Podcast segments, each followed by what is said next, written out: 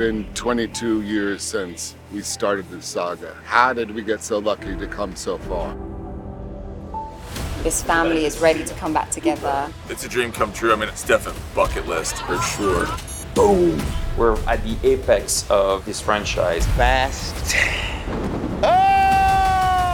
The heart and soul of the Fast and Furious franchise, boots on the ground, on location. The more movies we make, the bigger they get. We continue to outdo ourselves. Because we owe it to our fans. The enormity of everything hits you like a right hand to the jaw. You still know how to drive?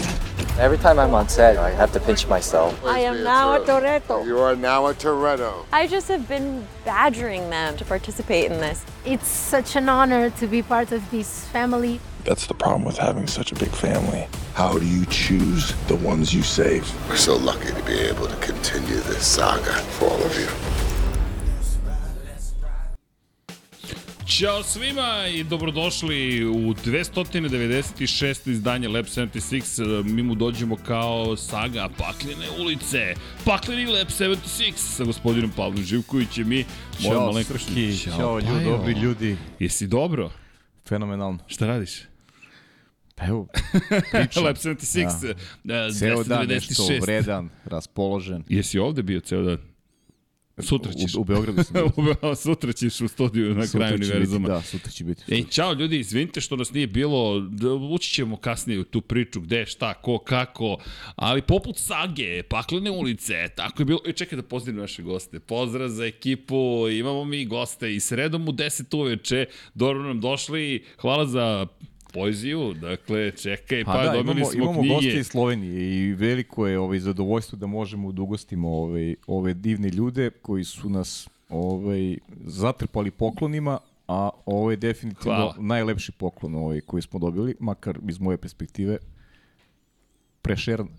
Da, poezija doktora Francita pritom, Prešerna. Pritom, pri čemu? Pri čemu ćemo pri malo čemu? da vežbamo slovenački. Da, i ima još jedna bitna stvar. Pored toga, do, poklon dolazi uz uh, box set, rekao bih. Svi oni koji poznaju rad doktora Prešerna, da ne kažem i e, njime inspirisane kultne institucije i biblioteke grada Jeste, Beograda, jeste. znaju šta nam je stiglo kao sastavni deo ovog box seta. Ovo je kao kad dobijete neke predivne knjige, a uz njih dođe i tako, Da. jo, još set knjiga. To je još jedna knjiga, tako da imate komplet, da se tako izrazim. Pa i... da, i očevi su nam odrasli u Prešernovoj kleti, tako da... A, biblioteci, pa u biblioteci, jeste. Jest, Tako da, hvala puno i, i hvala na tome, zaista divan poklon i divan Odlično, moment. da. Pa nije jedini, ima još poklona, nego ovo smo izdvojili. Ovaj. Ima tu još punije 100 poklona, tako da... Ali ne brinite, nisu dodaci, nego su stvarno knjige. Dakle, Yes, zaista su yes, knjige u pitanju, yes. tako da hvala mnogo. Uvek radost kada, kada je reč o knjigama, a i mnogo lepo biti ponovo u Lab 76 i E, ponovo... čekaj samo nešto. Da, Zvonko i... Anja. Ar, ar, Anja, Anja. Anja. Aja. Aja. Aja, da. A ja se očem Anja, izvinjavam se. Da, a? Aja. A glup čovjek, Zvonko i Aja. Aja i Zvonko, u stvari. Izvini, Aja, molim te. dakle, Zvonko i Aja, da budemo precizni. Tako je. Dobro, ni ti nisi čuo, to me teši. Nisam, nisam. Ok, dobro, ja sam, ja sam Anja, shvatio, dobro. O, Aja, sve je to okej. Mnogo je bitno da ste vi tu izvini još jednom za što, što nismo odmah ime uhotili, ali to, to ti kažem, dođe tako s godinama, doći ćete do 20 do mojih Godine su paja. prošle imaš pune svoje- muke. E, pa evo, 22 godine od kada je počela porodica Fast X. Dakle, po, Pa a, da, ti, ti to pamtiš. Ja. tako je, a, a e, ali polako ti to pamtiš. Dva- Stižem ja u te godine. Ovo je lagano, naša da. 13. godina zajedno, pa je tako da, vidi, nisu oni to mnogo, mnogo stariji od, od, od, od, od, od 13 ovog godina. skupa, da, Ko 13 bi godina. A? Uskoro će punoletna deca biti ovo koje, koje, sa kojima smo mi Sla- počeli. slavit ćemo- Slavit će slavit ćemo 18 punoletstvo. Dobro, nadamo se da će to zaista i desiti. Da. Pa slavit ćemo uskoro i punoletstvo od kada je zapravo podržana poslednja trka Formula 1 kako je krenulo. Pre četiri nedelje poslednja trka i mora ti pripadne bukvalno vreme prolazi. Reviše čovječe, bukvalno raspust kao da je prava pauza, pauza, pauza. Jeste, jeste. Mnogo poruka je stiglo, kad će više. Ne znamo, Formula. znamo, da, pa evo sad će. Evo, sad će. Ne samo formula, imamo dupli vikend ove. Biće baš zabavno. E, čekaj, kako zovemo? Nekima će, nekima će biti malo teže, ali dobro, šta da im radim ovaj. Tako im je ne, sudbina. nekima će nam biti mnogo teže.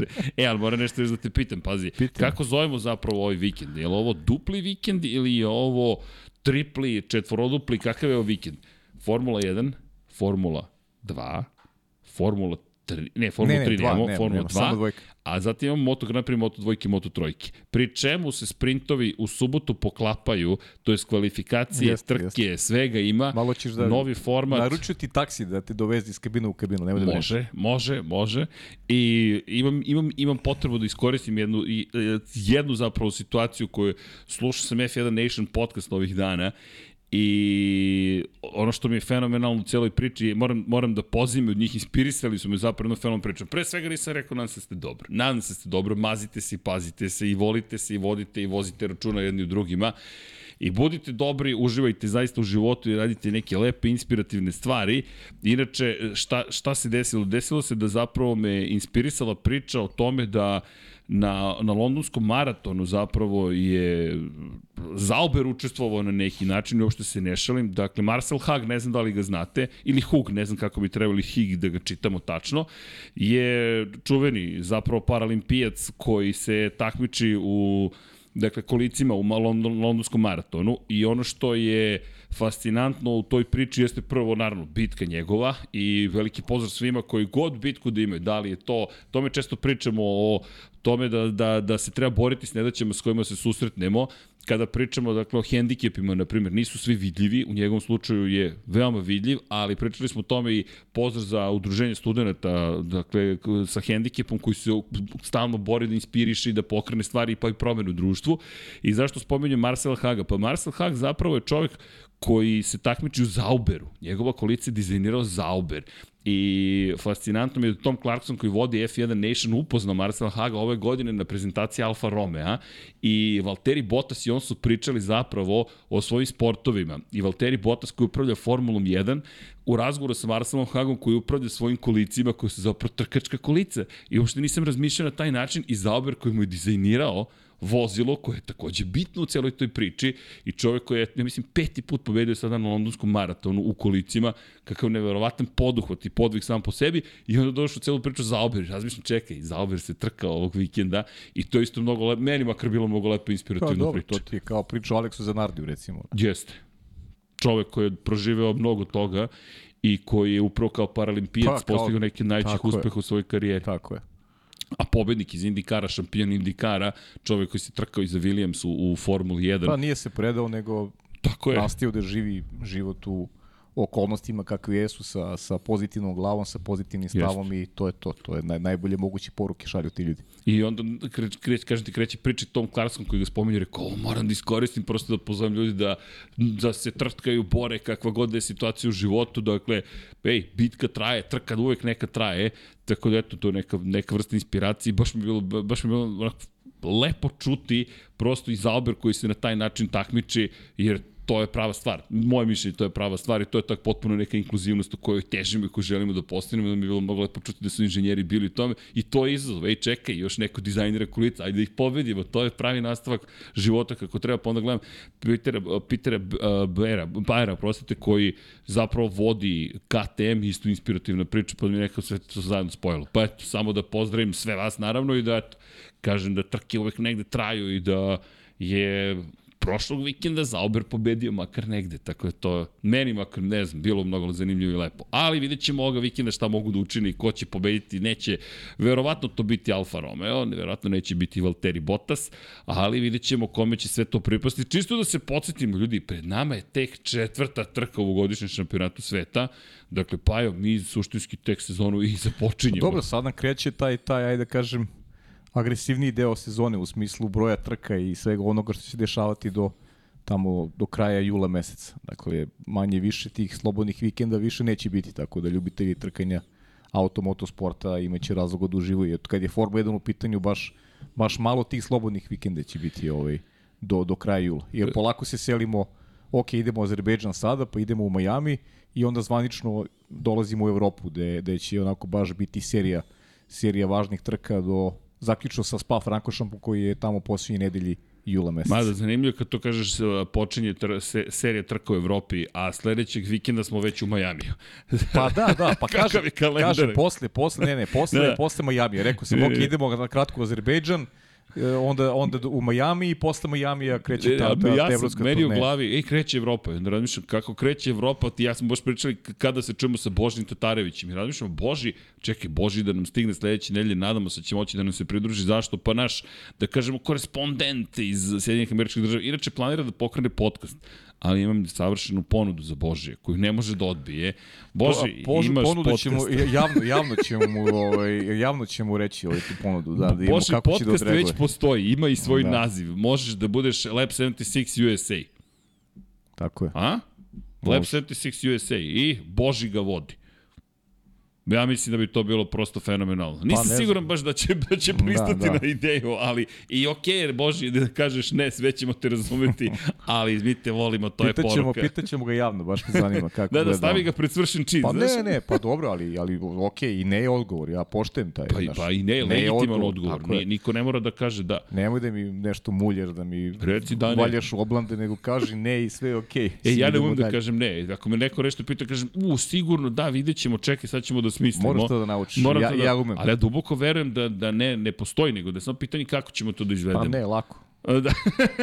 okay, Vrlo je jednostavno reći ne, da, kažeš ne i tu Da, se to završi je, cela završi se priča. priča, Neko da. mene uvek, da, samo da vidimo kako ćemo to da izvedemo. Znaš me, pa. Znači, znači ne. ne, to, ej, moram ti reći, To je, to je ne sa, to je, to je u stvari ne sa ne, odloženim još gore, to je da, ali ne znamo kada će se desiti. Ne, a ponekad bude ne, ali uglavnom je da, samo da vidimo da, u kom veku ćemo to realizovati. Kao. I srđane može, ma, s- može, Ma kako sto ne, kako da. ne može, na, naravno. Dobro, to Da. su, znaš, No, ajde nešto. Ne moramo da analiziramo previše. Nećemo, ajde. Ali Ajde, da- Činjenica. Se bavimo trkanjem. Evo, dobacuje nam koleginica iz prodaje da ne kažem nešto da za, za prodaju otprilike i, i pokrenem lavinu situacija, ali ej, sve je to deo šarma, to je sve deo pokretačke jedne sile, zato se mnogi stvari dese koje mnogi ne veruju, ali guraš, sve ima svoju priču, Jeste, sve ima i svoju to je priču. tačno, i to je tačno. Da, a svoju priču, ja se nadam, mnogo lepo imaće i Formula 1, kažem, četvrta trka, pa meni malo neverovatno, moram ti priznati, posle ove četiri, jer imam osjećaj da je sezona davno počela, na neki način jeste pre dva meseca, ali da se samo podsjetimo, sezona je počela 5. marta, dakle mi govorimo o 5. martu, danas je 26. april, mi imamo tri trke tek iza sebe. Pa znaš kako, ovaj, sezona je počela ranije nego, nego uobičajeno. Obično kreće 20. marta, pa je zbog toga na, ovakva rupa I napravljena. još da, otkazana velika nagrada Kine. da je krenulo kako treba 20. marta ne bi bilo ovakvog prostora za, za ajde da kažem, neki, neki odmor. Prosto, on, ono što smo zamerali Formuli 2, on, ona duga pauza, e, ovo je neka zamerka Formuli 1, jer, znaš, počne sezona pa ti mesec dana nemaš ništa. To je, zaboravi šta si gledao te prve tri trke. Trebalo bi malo da se podsjetim ovaj, kako se sve odvijelo u, u prve tri trke, ali dobro, okej. Prošlo je to vreme ovaj, plandovanja i idemo dalje, idemo u susret Baku. Idemo u susret Baku, u svakom slučaju mi smo napravili pauzu, ali kažem velika nagrada Kine još pride doprena o tome. Inače, za ljubitelje Moto Grand Prix, sutra ćemo da se družimo od 19.00, ali bitna tu informacija, otkazana je velika nagrada Kazahstana. Dakle, sa 21 trke se svelo na 20 trka i vjerojatno će biti otkazana, već se smejemo, ne da li će biti otkazana velika nagrada i Indije već kada. Ali za razliku od Moto Grand Prix Formula 1 zaista želi veliku nagradu Kine, Moto Grand Prix ima jedan zanimljiv biznis model. Platiš, da saopštiš da ćeš imati trku sledeće godine, iako svi znamo da ne može da se održi, da neće biti spremno ništa, ali su ti oni naplatili, izdaju saopštenje i onda sledeće godine izdaju A saopštenje kažu je, kako je poništavamo. interesovanje bilo u Kini za Moto, za Moto GP? Minimalno. Da, to mi prepostio sam, znaš. Minimalno, pa je, nažalost, Razlika je velika, ma ovde sad imaš i Gvanju Joe, imaš malo, malo je drugačija publika Formula 1, tako da mogu da razumem Liberty Media i celu priču što na Kini insistiraju, jer ima znaš, razloga. Kad, kad, nemaš neki, znaš, kad nemaš neki interes, ne postoji, to je sad ona priča o tradiciji. To je priča o tradiciji o nekim uh, želji publike da da vidi određenog vozača, da, da ima nekog svog predstavnika. Kina je sjajno tržište, a još je bolje kada, kada imaju svog čoveka u, unutar Pa, Formule 1. To je čuvena priča o potencijalu tržišta, ali pazi, velika nagrada Kine, hajde, Moto Grand Prix 2005. 6. 7. i 8. održavana. Pobednici su Dani Pedrosa, Casey Stoner i dva puta Valentino Rossi. Čak ni ti ljudi nisu uspeli da Pa privuku je pažnje kineske publike. Sada ti neko kaže, ali mislim da je to i pitanje momenta. Kina u tom trenutku te gradi neku vrstu tradicije, ulazi Formula 1 itd. itd. i tek se događaju stvari. Ve, da, inače, velika nagrada Kine. Ajde da iskoristim priliku. Pozdrav za Hasana Bratića. Nadam se, Hasane, da pratiš, nadam se da nam ideš u Miami i ove godine. Dakle, kada govorimo o naš prijatelj pre svega, saradnik zva, zvanično, ako možemo tako da, da sebi damo za, za privilegiju často da kažemo, ali Hasan Bratić čuveni fotograf Formula 1 pre svega, sportski fotograf nada sve. Inače, postavili smo, fotku smo gledali velika nagrada Kine, pošto je nije bilo, onda smo se sećali nekih trenutaka sa velike nagrade Kine i Hasan pošaljenu fotografiju, makar nama čuvenu kada Schumacher poslednji put u karijeri skače na pobedničkom postolju, poslednja pobeda 2006. godine. Pa je to nekako ostalo u sećanju, ali čak ni ti momenti nisu uspeli da privuku publiku, pa ali si u pravu. Promenile su se stvari, vidjet ćemo sa Gvanju John šta će se desiti, što se tiče Moto Grand Prix, ko zna gde će biti neka ne, nova, Pa da nema kažemo, sledeća stanica. Treba poštovati malo, malo više ovaj, i tradiciju. Ja razumem zbog čega se insistira na Kini. To je sad ona priča o profitu. Dobro, širiš tržište. Je, Da, nije, nije, Ali- nije, nije sve do profita, znaš, to Nije. su te neki romantični neki momenti moraju da postoje, znaš, e sad, kažem ti, ja, ja sad jesam zagovornik Kina upravo iz tih razloga, jer, jer vidim, ta, vidim tu sportsku neku stranu, znaš, A da te I, i pitam, za Gvanju Joe bilo lepo da doživi to da pre svojom publikom ima priliku da, Ali- da vozi neku sezonu. ali čekaj, baš mi daješ šlagvort neočekivani. Da li si za veliku nagradu Azerbejdžana? Pa iskreno ti kažem, u startu nisam bio. A, a, Da. Razumeš, a sada, Da, u ja moram ti priznati da jedva da. čekam. Pa i više jedva čekam zbog toga što, što dugo nije bilo formule, znaš, ali prednost bi pre dao recimo nekim drugim stazama nego, nego Dobro, što bi dao ali, Azerbejdžanu. ali meni je. Baku izgradio neku Jeste, imaju reputaciju neki imidž, vrlo da, imaju dobar imidž, da. pozitivnu i ako pogledaš i kontroverze koje su se desile i situacije Pa dobro, koje znaš su imali, ja, ja, ja, sad možda Baku nije najbolji primer iz moje perspektive, jer, jer sam bio tamo i udušenjen sam cijelima, mislim, gradom generalno i, i načinom življenja i, življenja i, znaš, celom, celom pričom, tako da uh, možda iz mog ugla nije baš poređaj najbolje. Opet, znaš i sam da sam negde skloniji tim tim nekim tradicionalnim stazama i nekim mestima koje su obeležili istoriju, prosto više volim te klasične staze nego, nego ove ovako novije dizajnera neko imaju taj neki prizvuk ovaj, tih uličnih staza, znaš, blizine zidova i tako dalje, tako je. Više volim one, one prave, one trkačke staze. To je samo moj, moj pogled, ništa više. Ali Baku, zaista, kada analiziramo trke prethodnih godina, uvijek su nam donosile nešto spektakularno. Tako da, opravdanost Bakua je je apsolutna. Nema, nema, nema. Mislim, prisustvo Baku je u stvari apsolutno opravdano. To Ne znam, kažem. ja moram ti priznati da jedva čekam e, samu trku i Pa dobro, i ne samo s prateći, pauze, još i pride sprint, pauza. Pa da, i, i pauza, i sprint. I novi sve, format da. koji stiže. E, tu je Natalie Pinkham, opet u F1 Nation podcastu, bila super, makar meni. Uh, se sećaš čuvene rečenice Luisa Hamiltona?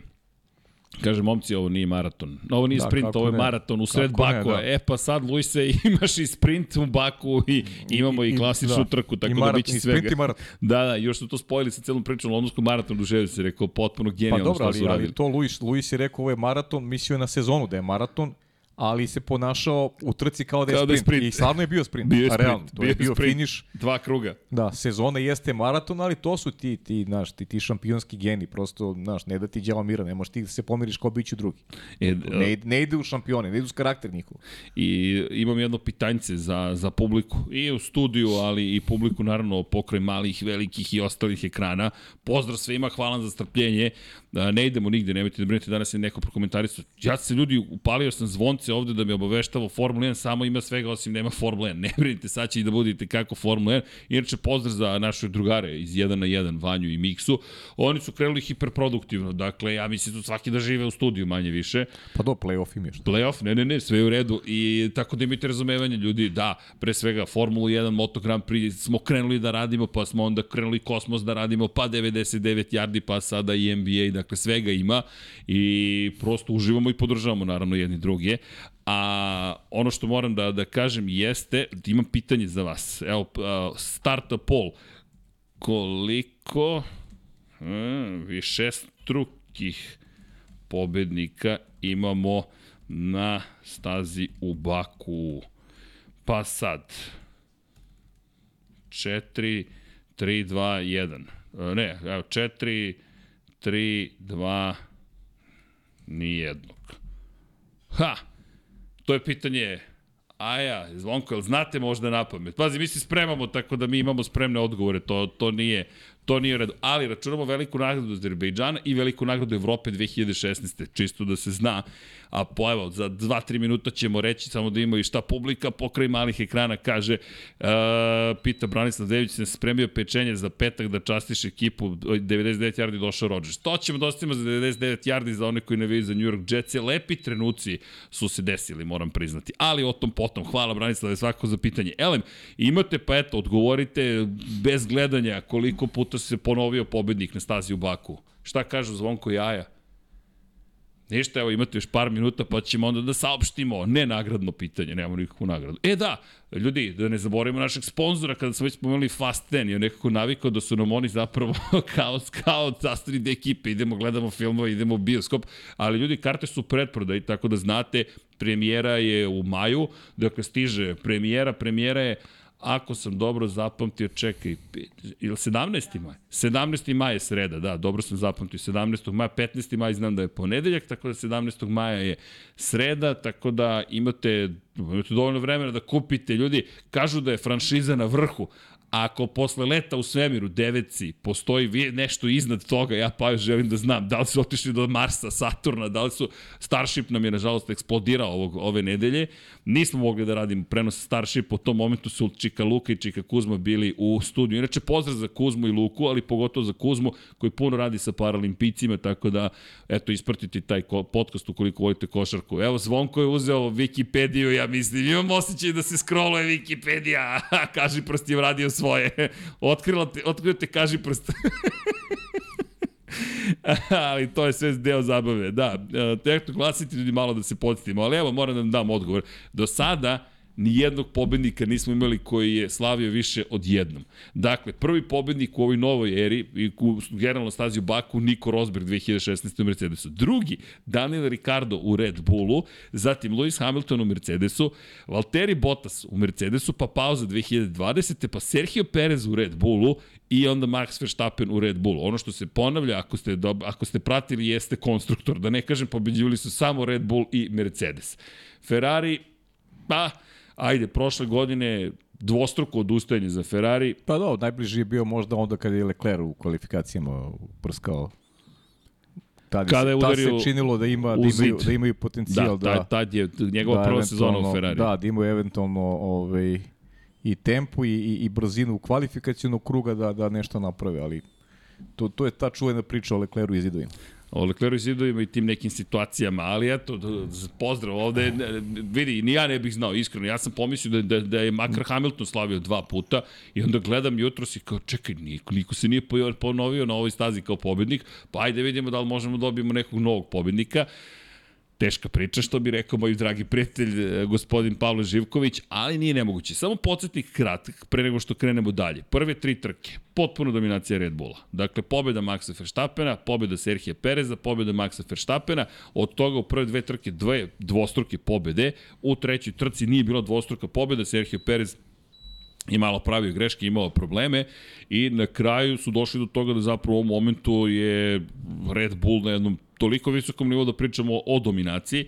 90, dakle ne, oprostite, već sam požurio sa, sa dodavanjem poena, ali da budem precizan kada reč o konstruktorima, Dakle, Max nema 90, nego ima 69 u ovom momentu. Odnosno na Serhije Pereza nije tako velika prednost 15 poena, ali klubski kolega ne vidimo tu baš neku ozbiljniju bitku. 54 poena i Fernando Alonso na poziciji 3 sa 3 uzastopno treće mesta u Aston Martinu. Inače, 123 poena za Red Bull, Aston Martin 65, Mercedes 56 i tek onda Ferrari sa 26, pa McLaren koji iznenadio sve u Australiji, to isto iskoristio sve svoje prilike, Alpina, Haas, Alfa Romeo, Alfa Tauri i na začelju Williams. Ali pa jo, realno dominacija što Red Bulla, što Maxa Verstappena. Dakle, dve pobjede, jedno drugo mesto, dve pol pozicije, pa to, da, jedan to, najbrži krug za Maxa. Da, toliko puta već ispričano i i u nastavku sezone ne očekujemo ne očekujemo ništa drugo. Možda da se kad je Baku u pitanju, ovaj eto za početak da da malo zaigramo teme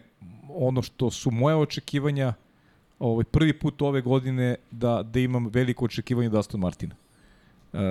zato što mislim da te staze, da te staze niske brzine odgovaraju, odgovaraju Aston Martinu, bez obzira što imamo taj dugi pravac koji je, koji onako i, i, i, i razvija veliku brzinu, ali generalno a, pre svega ciljam, aludiram na Fernanda Alonso. Mislim da Alonso ovde ima onako objektivnu šansu da nastavi neki niz i da se možda pojavi kao neko ko bi mogao čak da ovaj, utiče i u bitku za pobedu.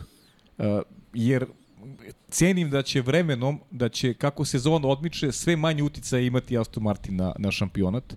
U tom nekom smislu podijum i kontinu dobrih rezultata. I mislim da je pravi moment sada, na ovoj stazi gde, kažem, Aston Martinu odgovar, odgovaraju te staze, te staze niske brzine, da, da eventualno dođu do nekog, do nekog Mislim, Fernando Alonso već napravio velike rezultate. Tri podijuma, to je već neki, neki pomak ogroman, ali ovde, ako eto, da zaigrao malo, ja na njega tipujem kao, kao neko ko bi ovde mogao da bude ovaj, baš dobro plasiran. E, nešto mi je fantazija, što, što su to ta razmišljanja, znaš sa čime povezujemo? Za one koji eventualno ne znaju, staza u Baku mi je delimo na, na tri ključna segmenta, naravno na osnovu onoga kako Formula 1 deli po pitanju merenja vremena. Dakle, govorimo pre svega o trećem, ajde da kažemo, sektoru 2 suštinski, onaj spori sektor pogotovo. On je, on je baš spor. Baš spor. Zašto ga napominjemo i ističemo? Pa Charles Leclerc je pokazao da kada imaš bolid koji je brz u tom delu staze, možeš, možeš uz zavetrinu da dođeš Kako čak ne? i do pol pozicije. Setite se prosto njegove vožnje u momentu kada Ferrari, pa ne možemo baš reći da liči na bolid koji će pobeđivati. Pa tu, tu, tu i tražimo, mislim, makar ja verujem da i ti tako razmišljaš, da slično razmišljaš vezano za, za, za Alonso, da je to upravo deo staze pa čak i prvi sektor, gde, gde, može, gde može Alonso da napravi ovaj, da napravi prednost odnosno konkurente i da bude da bude u poziciji da da se da se bori ako ništa drugo ponovo za podijum, ali cenim da bi to da bi ulog mogao da bude da bi ulog mogao da bude i veći. Da to to je zanimljivo zapravo. Šta je jedna od najvećih prednosti Red Bulla za one koji nisu ispratili F1 Technical poslednji koji smo radili, imate ja se nadam lep opis toga kako stvara neku vrstu trostrukog DRS-a Red Bull i zašto ima toliko prednost na pravcima i zašto, pogotovo kada se koristi sistem za umanjenje aerodinamičkog otpora, do izraža dolazi ta visoka maksimalna brzina. Da ponovimo samo ukratko, Red Bull je napravio izuzetno efikasan bolid. Dakle, kada govorimo o aerodinamičkoj efikasnosti, to je bolid koji ima ma, nizak nivo aerodinamičkog otpora, dakle, otpor vazduha je mali, a istovremeno, ima dovoljno prijanjanja, to je generiše takvo prijanjanje nizgon pokozvani, to je negativni uzgon, da je pripijen za tlo. I ako pogledate Red Bull konstantno u svim manje više kadrovima, kada je, pogotovo u krivinama, vidjet ćete i na izlastima iz krivina, konstantno varniči pod bolida, konstantno su bokovi vrlo nisko postavljeni, dotiču tlo manje više, potpuno je začepljen kompletan pod, dakle dole je polje negativnog pritiska takvo da je sav, do savršeno prijanja što mu daje prednost zapravo, pogotovo na pravcima i pogotovo u brzim krivinama, gde postoji mali problem, sada je Race inače baš analizirao nešto, nadam se da su malo pogledali što smo mi svi zajedno radili, pozdrav za Anesa koji nam puno pomaže, pozdrav za Peru koji napravi neke fenomenalne animacije, ne znam da imamo te animacije, kako izgleda DRS zapravo sistem, ali u čemu je pojenta? Pojenta je u tome da je da Race spominjao sada i oslanjanje Red Bulla i bavili su se Monakom. Međutim, ovo pa što ti govoriš, a nismo se dogovarali, je fenomenalno. Monako je spora staza. Ovo, ovdje imamo delove staze koji su veoma spori. I Fernando Alonso tu zaista može nešto da traži.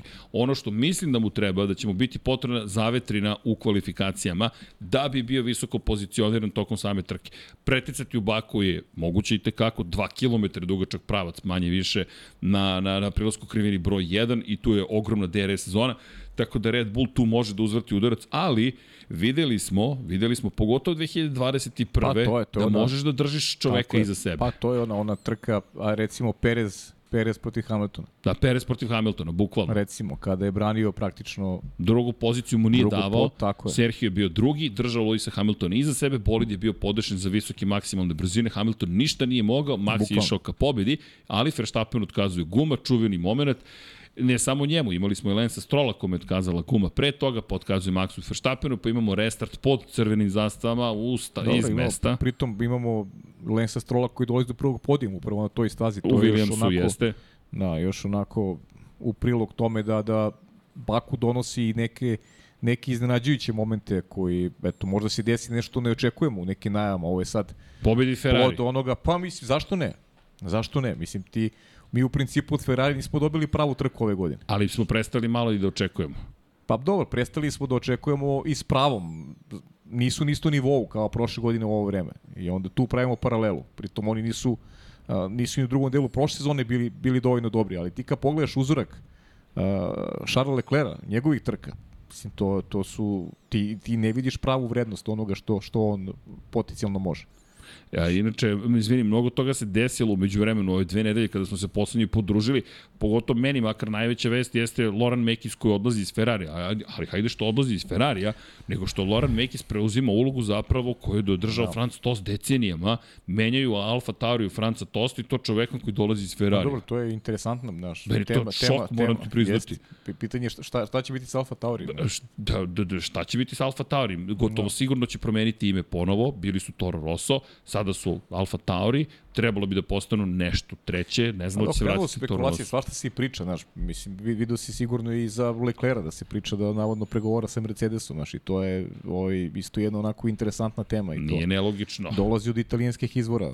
Ovaj, koji su obično dobro Pa dobro, o, ovi jesu baš povodani, tako da vidit ćemo ovaj, šta će biti po tom pitanju. Čekaj, umesto koga? Pa ne znam, ne znam. To opet to ona ona tvoja teorija se možda Ne bih da ne bih da tvoja teorija se možda nameće, da. ali a, ovde mi dalje ne, ne veruju. Dakle, šta se sve kuva? Pa ne, ali, ja vam kažem. Ali, ako stvarno Leclerc pregovara sa Mercedesom, nema mesta za trojicu. Nema, ne, jedan vozač mora da ide. To je logično. Da, pri čemu ja i dalje ostajem pri tome da ćemo Hollywood da dobijemo, da će Lewis Hamilton da ode u Ferrari na kraju, da će da dođe i Adrian Newey, jer ako ima potrebu, ako ima potrebu šef Red Bulla, dakle Christian Horner da kaže mi imamo siguran ugovor sa Njujem, meni već to potvrda da nemaju siguran ugovor sa Njujem, ide sad samo pitanje ko šta gde kako. Pri čemu, čisto kada pričamo o ljudima, ko se vratio kući, ko se vratio u, u, u preduzeće, u Mercedesu, James Ellison. Da. James Ellison koji je zapravo zamenio pozicije zapravo Mike Elliot je sada njemu šef zvanično, chief technical officer je sada Michael, Mike Elliot koji je to i bio, a James Ellison se vraća na operativni nivo da se bavi bolidom Mercedes. Ja i dalje ne verujem, za nju je definitivno nisam to, to pristalica te tezi, jer znaš, gledam malo više u njegovu krštenicu, tako da nisam baš siguran da mu da su mu ovaj potrebna neka i neki izazovi, neka dokazivanja, naš ipak je, rekao bi da neka, neki mir i stabilnost koji ima ovde u Red Bullu da negde pasuje. Mir u njegov, kući. Pa da, i njegovom onako i temperamentu i nekom, ajde da kažem, stanju ovaj, koje je prisutno u, u godinama koje ima. Da, ali bez obzira na sve, dakle, da, ta moja spekulacija, ovo je ljudi klasična spekulacija, ovo je nešto što bi se izrodilo pa, pre Šernovoj okay, kleti. Da, da, da. Dakle, da. godinama iza nas i pa onda... Pa uz, uz, neki, čar, uz neki čarobne napitke. čarobne da, napitke, napitke, tako da. je.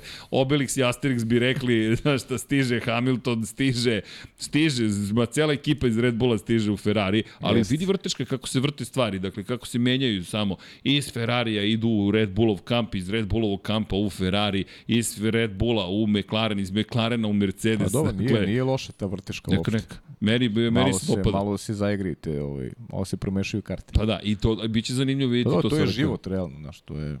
Danas... Kako bi ti rekao, znaš, to opet priliči negde, priliči pogotovo mlađim ljudima da, da ovaj, možda žele neki, znaš, neko, neko novo dokazivanje, neko novo poglavlje da ispišu. Znaš, prosto neke stvari postanu, postanu i dosadne vremenom. Znaš, ta neki, neki ustaljeni ritam koji imaš, dnevni, znaš, sve ti isto, poželiš da promeniš, tako da razumemo ovaj, te, te, ovaj, te promene koje se dešavaju u timovima Formula 1. U krajnjem slučaju treba naći dobitnu kombinaciju, pogotovo Ferrari kad je u pitanju. Oni nemaju dobitnu kombinaciju već duži niz godina. Da ne kažem decenija.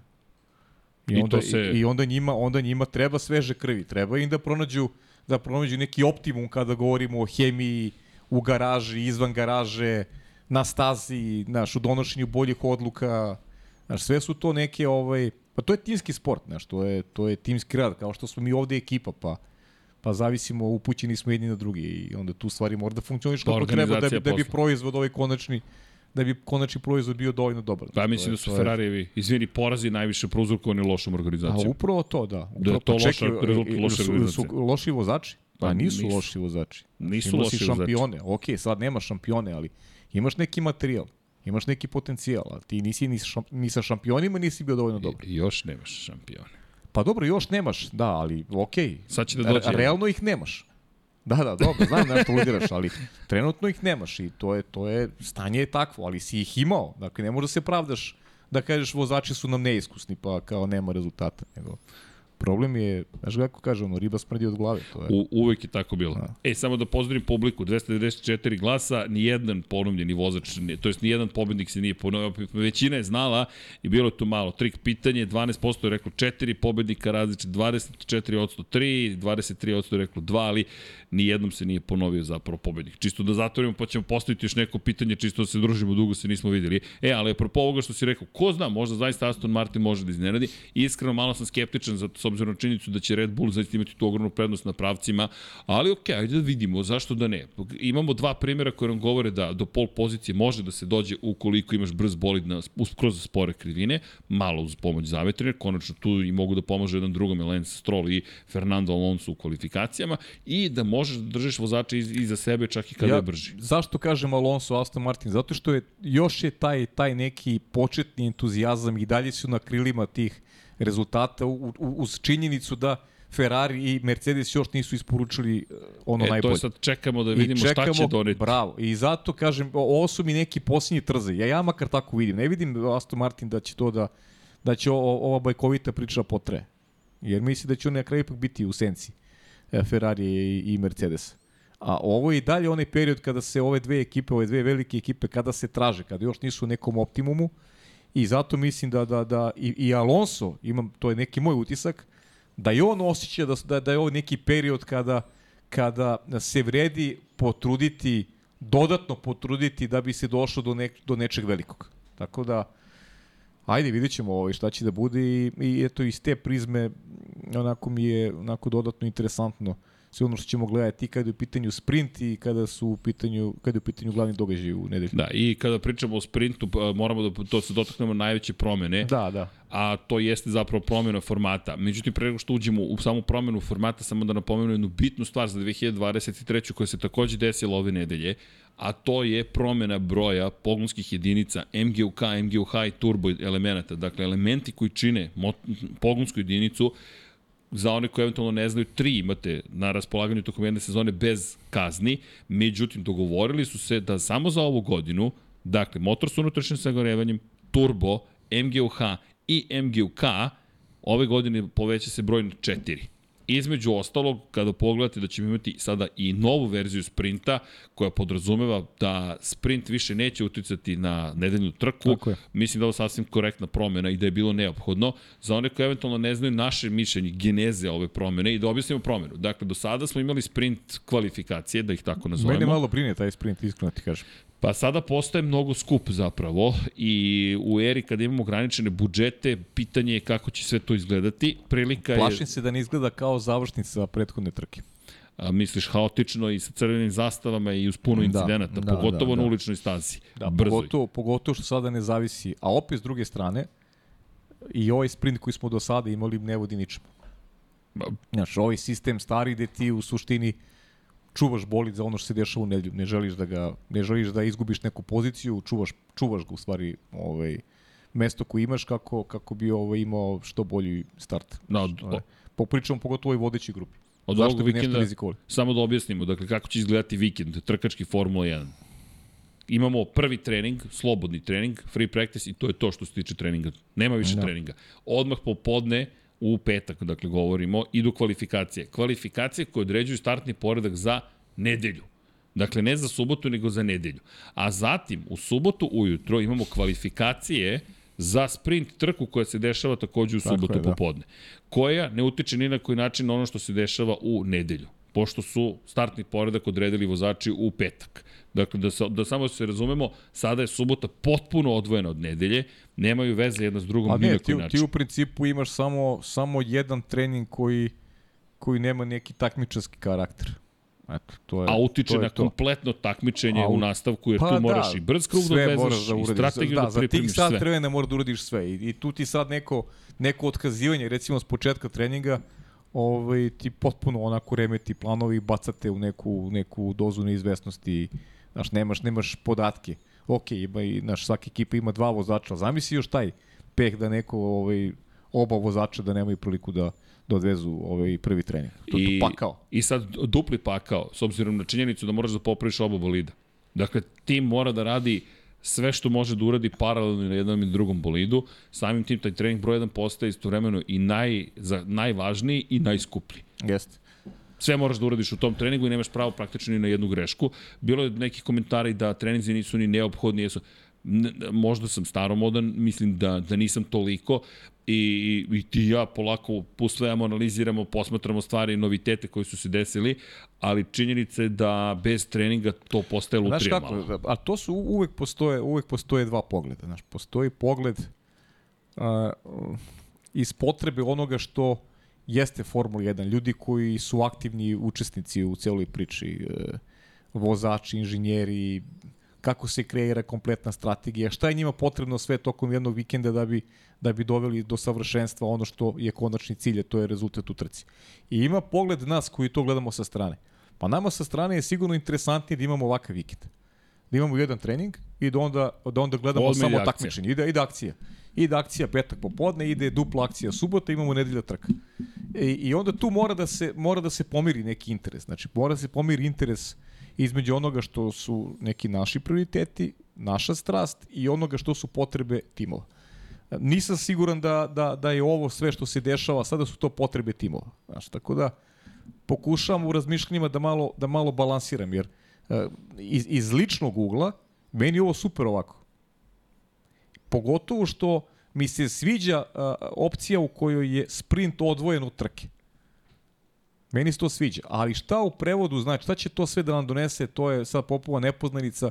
Rekao sam, ja bih, bolje bi bilo taj neki, ajde da kažem, NASCAR model da, da ti imaš, ali opet i to bi izvelo neki haos, znaš, da, da, da, opet mora se vodi račun o bolidima, o budžetima, opet će tu da bude Vidi, dok o... imamo ograničenje budžeta. Problem je, problem ne možem, ne vidim da problem, će sprint da. biti ono što žele da postignu. I vraćam se na veliku nagradu Portugalu jest, Moto Grand Prix. Jest. Stefano Domenicali, izvršni direktor Formula 1 je bio na prvoj trci sezone ove godine.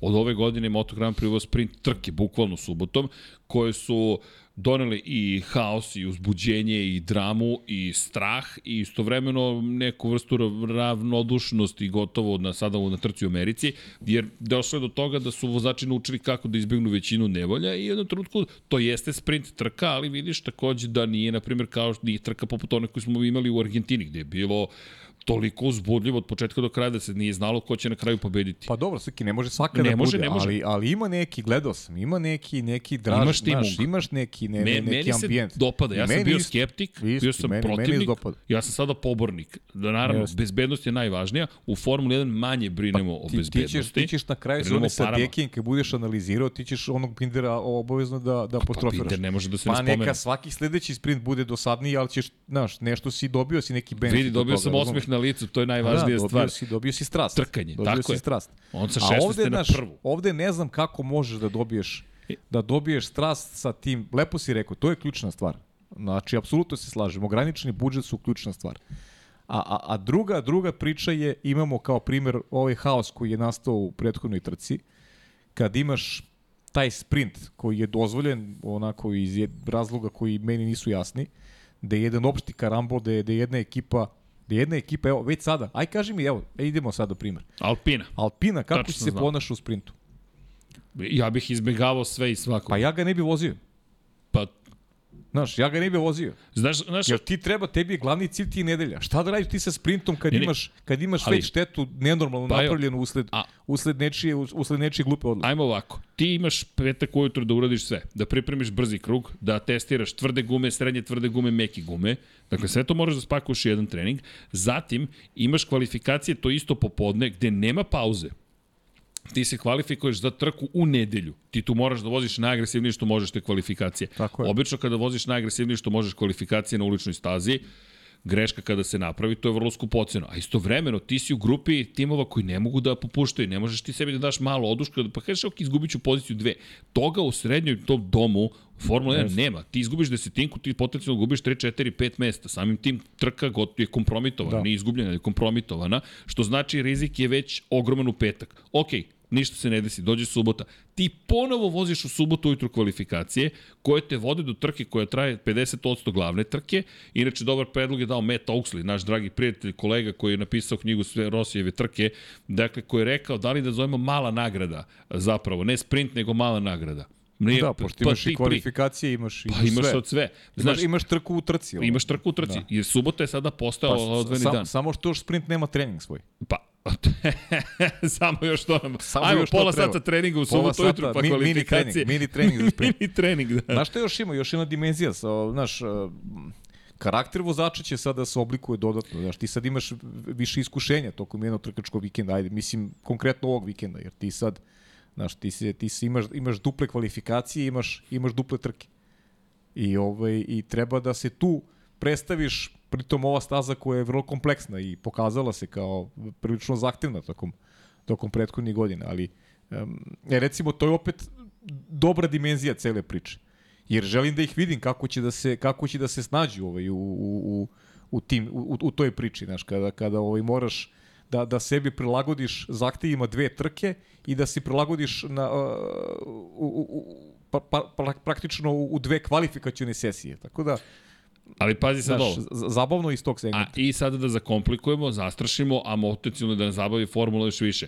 Kvalifikacije nemaju isti format za sprint kao Da, što imaju da. za veliku nagradu. Dakle, skraćena verzija, za one koji ne znaju, 12, 10 i 8 minuta, Q1, Q2, Q3, isto kao i do sada, međutim, ti sada na uličnoj stazi gde imaš pravac od 2 km, maksimalna brzina od skoro 360 km na čas u kvalifikacijama, pa možda i više od toga, dolaziš do toga da imaš manje vremena na stazi. Jeste. Kako će Q1 da izgleda? To živo me zanima kako će Q1 za sprint izgledati, a ti tu moraš da se očigledno probiješ do Q2, pa iz Q2 da prođeš u Q3. Možda neko ne stigne ovaj, znaš. Da. I čekaj, vidi, to će da bude opšti da, haos. haos. I još jedna stvar, da ne zaboravimo i, i gume. Ti u Q1 i Q2 moraš da koristiš srednje tvrde gume i zatim tek meki gume u Q3 delu kvalifikacija. Što su priprema za ono čuveno tvrdo, srednje tvrde i meki gume Dobro, koje što ćemo imati. Ovde može, Azerbejdžan, Baku može da se, može da se obilazi, ali sam pristalica one teze, mislim da je Luis to prvi rekao da, da, da sprint ima, ima smisla na ovim pravim trkačkim stazama, znaš, koje, koje dozvoljavaju više obilaženja i više akcije na stazi, tako da Znaš, i, i mislim da, da, da, da ide negde više sprint uz, u staze koji imaju te široke zone izletanja, da je, znaš... To je Horner bio rekao, da, pre nego što smo stigli u da, Baku. jer, jer ovde je malo, je, znaš, ovde je... Napeto je. Napeto. Ovde čak, znaš, ne moraš ni ti da pogrešiš, možda nečija greška tuđe da ti napreti u propasti vikend. To je sad dolazimo do, do Formula 2 momenta, znaš, u, u nekoj situaciji, jer ti ovaj... Crvena zastava, žute da, zastave, znaš, to je kraj. To, to je kraj, da. I imaš još jednu stvar. Dakle, mi u samo u Q1 ćeš imati šansu da promeniš gume. Nemaš vremena ti da odradiš uh, pripremni krug, izađeš iz garaže, odvezeš brzi krug, pa sad kažeš ajde da odem na zamenu, pa ću još jedan krug u Q2 i Q3. Ti u Q2 više vremena nemaš. Izlazak sa staze, tražiš svoje mesto, poziciju neku, čistu brz krug voziš i onda šta, ideš nazad u garažu. Nema, nema šanse. Suma sumarom, uh, ograničenje budžeta najviše smeta celoj priči. Da im daju tu si- tu si neograničen budžet. Da, tu si popuno u pravu. To je početak i kraj priče, rekao bi, kada bi smo trebali da izdvojimo, izdvojimo segment koji je najviše sporan u ovom konceptu, mislim da je to ograničenje budžeta. Da toga nema, ovaj, gledali bi onako kroz ružiste naočare sve ovo što se dešava. I, Znaš. I još jedna stvar, u sprint, u Moto Grand Prix-u, sad, s jedne strane mi se uopšte nije dopala ideja da to primene na sve trke. Bil, delovalo mi kao isitren potez. Međutim, kao i u svemu, kom, ne samo kompromis, nego balans postoji. Gubiš, dobiješ, gubiš, dobiješ, dobiješ, gubiš. Šta su dobili u Moto Grand Prix time što su uveli sprint za svaku trku? Pa doveli, doveli, doveli su do toga da zapravo sprint je postao mnogo važan. Za Francesca Banjaju, na primjer, koji dva puta pada u glavnim trkama, da nije pobeđivao u sprintovima, pitanje je kako bi izgledalo stanje u šampionatu. I s druge strane, za njegove rivale, to što sprint postoji u svakom vikendu daje šansu za mnogo više poena. Ti ovde imaš na raspolaganju maksimalno 10 bodova. Da li je vredno tolikog rizika ta količina poena ili ne? To je sad ogromno pitanje. Znaš, ti sad sedneš i kažeš čekaj, da li nam ovo vredi ako će Alpina, na primjer, da izgubi još jedan bolid? A Pa da. Safnauer je rekao, mi ne smemo da stanemo sa razvojem, mi moramo nove delove već sada u Baku da donesemo. Za one koji ne znaju, u Australiji strašan incident na kraju trke u ponovljenom tre trećem restartu, u kojem Pierre Gasly i Esteban Ocon imaju kontakt, dakle klubski kolege u Alpini, i ostaju bez oba bolida. Milionski problem. Pa to je ono što, što gledam. Naša obaveza da gledamo, da posmatramo stvari iz, iz više segmenata. Iz ovog našeg ličnog, mislim, vikend će da bude zabavan. Nema stajanja. Jer kako bih ti rekao, o, radujem se ovaj druženju zajedničkom i komentarisanju. Konstantnom. Pa da, imaćemo imaćemo jedan trening koji ćemo da posvetimo a, nekoj taktici da vidimo kako će da se pripremaju i onda kreće akcija. Ti već u petak popodne imaš akciju, imaš kvalifikacije. I, to I je, nema stajanja I posle nema toga. stajanje, ti više nemaš... Nema stajanje. Sve je važno nakon toga. Evo, e, pa izvini, daću samo primjer, još je dupli vikend za one koji vole i Moto Grand Da, Prix. da, da. Kako izgleda kako izgleda ovaj vikend. Dakle, kombinacija Moto Grand Prix i ne, preskočit ću Moto 3, Moto 2 i Formulu 2, preskočit ću ih čisto da ne, Presko, ne napravim potpunu i, i konfuziju. preskoči i NASCAR. I NASCAR, i NASCAR, i NASCAR, hvala. Dakle, gde, gde je NASCAR inače? Ne znam se bio Tala, Taladega je bilo, ne znam gde je sad sledeće. No, bilo, bilo je i to zanimljivo. Ali, da Junkie, se, Junkie Baby Junkie radio bio dobar. Tele, Taladegu. Da. Da se vratimo na Moto Grand Prix. Dakle, u 10.45 je Moto Grand Prix trening broj 1. I mi tu, čekaj da se javimo. Ljudi, hvala puno što ste nam bili, hvala za sve poklone, sad ne, ne znam, imamo mi neki adekvatan poklon da uzvrtimo ovu pažnju. Koleginici iz prodaje, mi samo prodajemo, mi ne poklanjamo, mi ne, poklanjamo znanje, radost. Ljudi, hvala puno. Jeste u Beogradu još ili čujemo se mi svakako, pa molim vas, Javite popijemo se. neku kaficu. Javite se. Da, hvala ljudi, svako dobro, laka noć. Ćao, Pozdrav, prijatno. Ćao. Dakle, kada pričamo o vikendu, Moto Grand Prix, trening broj 1, 10.45. Petak, trening 1 za Formula 1, 11.30. Inače, trening Moto Grand Prix se završava u 11.30, odmah počinje trening Formula 1. Zatim, Kada u je... petok 11.30 znači počinje je prvi trening. Uh, Dobro si mi rekao. 11.30, da. 11.30 je prvi trening Formula 1, traje 1 sat do 12 časova i 30 minuta. Zatim, kvalifikacija od 15 časova do 16 časova za Formulu 1. Od 15 časova do 16 časova trening broj 2 za Moto Grand Prix, koji inače i definiše ko ide direktno u Q2 deo kvalifikacija Moto Grand Prix. Dakle, poklapaju se, jer sad ova izmena pravi potpuna poklapanja. Da. Ok, idemo na subotu. Sprint shootout, takozvani, to, to, to nisu kvalifikacije, nego, su, nego je shootout, kreće u 10 časova i 30 minuta. Moto Grand Prix trening je u 10 časova i 10 minuta, a onda kvalifikacija od 10 časova i 50 minuta. Dakle, mi tu već imamo onako dosta lepih poklapanja. Biće baš napeto. Zatim, subota, sprint, Formula 1, trećina trke, ja sam rekao polovina. Polovina je u Moto Grand Prix, trećina je u Formula 1. 100 km mora da se odveze, 305 km mora najmanje u trci da se odveze. Dakle, 15.30 u subotu je sprint, kvalifikacija inače to je sprint, izvinjavam se, za Moto Grand Prix od 15 časova. Dakle, u 15 kreće Moto Grand Prix sprint, završava se malo pre 15.30, kreće sprint Formula 1 i onda u nedelju dolazimo do trke. Moto Grand Prix trku ima u 15 časova, Formula 1 trku ima u 13, 13, časova. Da. Tako da odgledate prvo Formulu 1 i onda kažete, e, ok, odog sada da gledam Moto Grand Prix. Ukoliko ne bude crvenih zastava, vozila bezbednosti i ko zna kojeg čega još, što nije nemoguće, pošto, kao što smo rekli više puta, ulična staza. I to kakva ulična staza? Super brza, incidenata je bilo puno. Pitajte samo klubske kolege, što čuven incident između Daniela Ricarda i Maxa Verstappera, koji je fotografišao naš voljeni mister Hasan Bratić, poznati kao mister Crash. Inače, čuveni incident u kojem je, posle kojeg je Daniel Ricardo rekao da definitivno mu nije mesto u Red Bullu, otišao, sada se je vratio posle Da. godina kasnije, ali to je neka druga priča. U svakom slučaju, ispunjen vikend. A nisam spomenuo ni Formulu 2, ni Moto 2, ni Moto 3. Da, i ajde i da kažem i NASCAR. I A ne, NASCAR. ljudi, kad je Formula 1 u pitanju, mi u narednih šest nedelja imamo pet trka. Pet trkačkih vikenda, dakle, u narednih šest nedelja. Dakle, to je stvarno, evo ovde se raduju ljudi. Pa, da, Evo, ovde se raduju, to, pa dakle. to je to ti nadoknadi za ove to ono, četiri nedelje pa propuštene. Da, ali okej, okay, znaš, vredilo je i čekati. Sad Jest. onda sad imaš neki znaš, ritam konstantan i je bukvalno akcija svake nedelje. I pa jo, izvini, da dodam još jednu dimenziju, kada spomenješ akciju, da li ti sada u Baku u svoj bolid ubacuješ nove delove? Ne da li ti sad kažeš, e, imam Ne nove delove ne koji znam. će me ubrzati, ajde da ih stavim u ovo Minsko polje. Ne znam da li to radiš sad. u Minskom polju. Kvalifikacije 1, kvalifikacije 2, sprint, trka. Ja iskreno ti kažem, ja sam onaj, ovaj, pristalica one teze da, da kad krene ta evropska turneja da ćemo tada malo, malo videti više promena, čini mi se. Evo, da li testiraš u prvom treningu novi pod, na primjer? I šta sad, ti testiraš i skupljaš podatke za test, a istovremeno treba da se spremiš za kvalifikacije, Ne, ne, kvalifikacije, ovde sprint nema, nema prostora ovde, generalno, nema prostora za tako nešto i zato ti kažem, mislim da, a opet u Miami je već nedelju dana kasnije. A da li nosiš delove u Ameriku? Ne, ne. Na, Zato ti kažem, Evropa je, Evropa je Imola je krucijalna. ključno mesto krucijalna. na koje donosiš to će, delove. To će baš biti super zabavna trka. Ma mislim, ceo ovaj period je super zabavan, ali Imola iz te perspektive nekih noviteta i, i potencijalnih promena u tom poredku. Uh, za, zato sam i apostrofirao gospodina Alonso. Zašto njega očekujem? Da je ovo jedna faza još godine kada on može na, na ovaj, može da prkosi ovaj Ferrariju i Ferrariju i Mercedesu.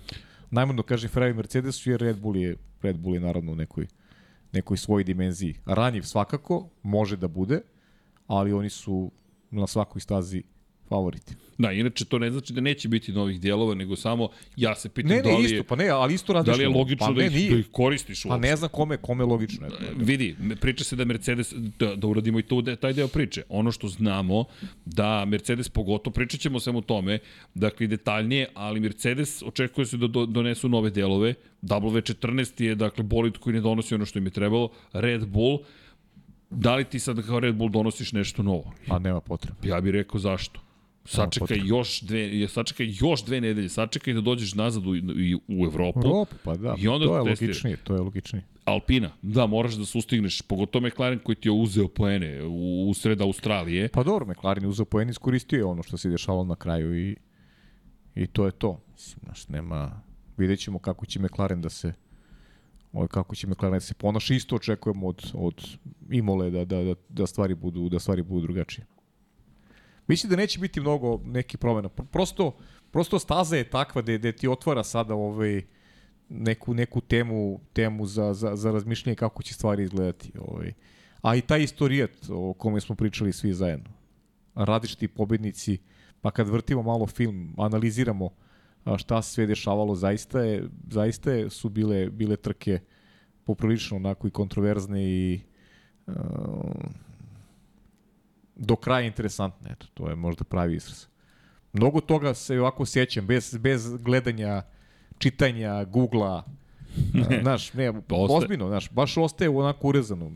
Koliko smo puta pričali ono, o onom momentu Čeko Perez, Esteban Ocon, gde, gde, gde je čak ekipa mogla pobedi da su bili malo pametniji njih dvojica. E, al- da, da nije bilo tog, tog vrsta a, ne, nepotrebnog rivalstva, znaš, koje, koje pre svega Ocon kreira bez ove neke neke ove šire slike, znaš, nema tu neku širu sliku, čini mi se da on to slabije vidi, ono, znaš, gleda samo iz svog Taj ugla trenutak. stvari, znaš, nije neki, nije baš timski, ovaj, timski, a dobar vozač, nesporno, ali prosto deluje mi kao da nije, ovaj, nije baš onako kolegijalno nastrojen.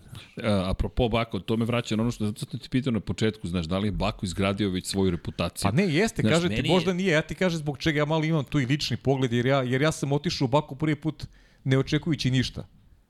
A vratio sam se pun lepih utisaka i kada je u pitanju ti neki istorijski momenti i, i ne znam, i, i, i život u gradu i šta god, znaš, tako da možda nije baš najbolje poređe. Jako sam onako malo Ali vidi, tradicionalniji u smislu da, da volim više te, više volim te prave staze, više volim trkanje na tim starim kultnim mesta. Meni, meni nedostaje hokeja, meni nedostaju, znaš, nedostaju mi ta prosto, prosto mesta i uvek ću da, da, da, da navijam za njih. Tako da, Pa vidi, meni, ja kada pogledam Baku, ajde po- pokušam da budem objektivan, nisam bio u Baku, ne znam zaista Da, da, da. kako izgleda, ali meni se, ja jedva čekam da vidim šta će biti. Zaista Jeste, jedva čekam nema da saznam, ok, ljudi, šta nas sad čeka? Šta nam donosi ova godina? Kada pogledaš prošlu godinu, ajmo, imamo puno toga da pokrijemo. Prošle godine, dvostruko odustajanje Ferrarija. To je poslednjo Ferrarijevo dvostruko odustajanje u sezoni.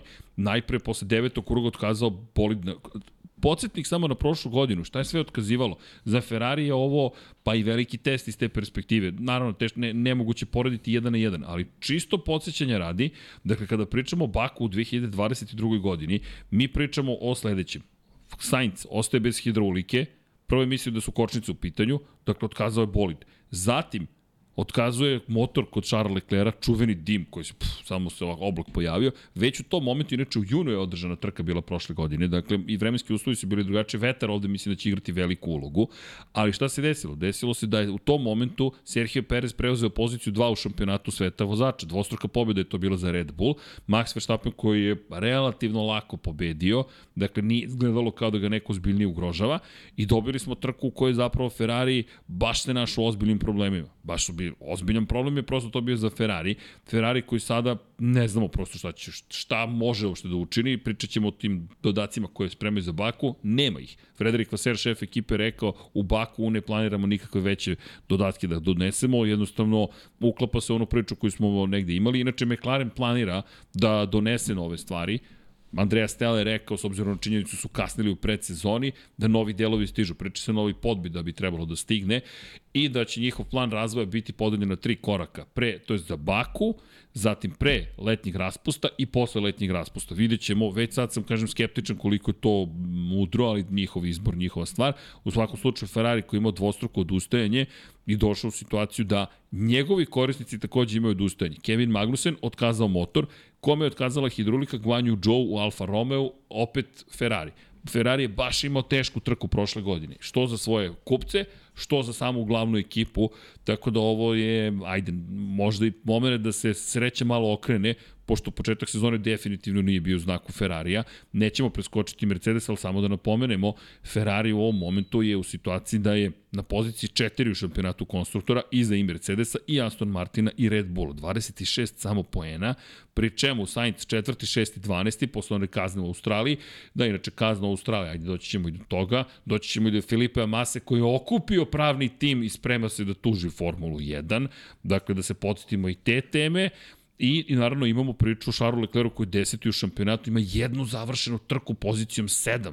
Dakle, odustaje u prvoj, odustaje u trećoj trci, došao do sedmog mesta samo na drugoj trci sezone u Saudijskoj Arabiji, do, do sedmog mesta i šest poena ukupno. Šest poena ima, ima Charles Leclerc, potpuno neverovatno, a dolazimo bez, dakle, dodataka, ako je verovati onome što je Vaser ranije rekao, nema razloga da mu se ne veruje, logika to negde nalaže i sve to nekako posljedne stvari opet za sprint. Da li onda Ferrari sada da rizikuje, da kaže čekaj idemo sad u sprint agresivno u subotu da vidimo šta možemo ili kažeš pa i rizik. I baš će mi biti zanimljivo pa, da, da Oni su, oni su opet u situaciji u kojoj se nalaze tako često tokom prethodne dekade. Eto, da, da, loš su počeli sezonu i ono što, što nam je istorija pokazala, Ferrariju treba taj neki naboj početni kada stvari dobro krenu i onda, onda krene i ta euforija i Ovaj, I koliko ima negativnih stvari, opet mislim da je više pozitivnih se rađa iz te njihove euforije, jer onda možda pruži i više od, od, od, od očekivanog, znaš, to je, to, yes. to je Ferrari.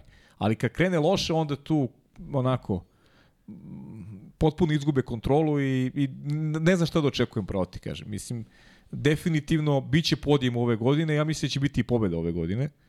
E sad, ono što je bio plan Ferrarija, to se definitivno neće ostvariti. Ta borba za titulu, to deluje kao nemoguća misija, tako da... Ne, ovo je sada spašavanje ove, sezone. Pa, bukvalno, sad, znaš, mislim da, pritom, šta znači, taj termin, mislim da više ne postoji kod njih. Ovo, ovaj, to ko navijača više ne pije vodu. To, šta znači spasiti sezonu? Znaš, to je, svaka godina je spasiti Sprečiti sezonu. Sprečiti katastrofu u ovom pa, slučaju. Znam, ali, znaš, to je... Potpunu katastrofu. Znaš, to je, mislim, znaš kako gledam sezonu?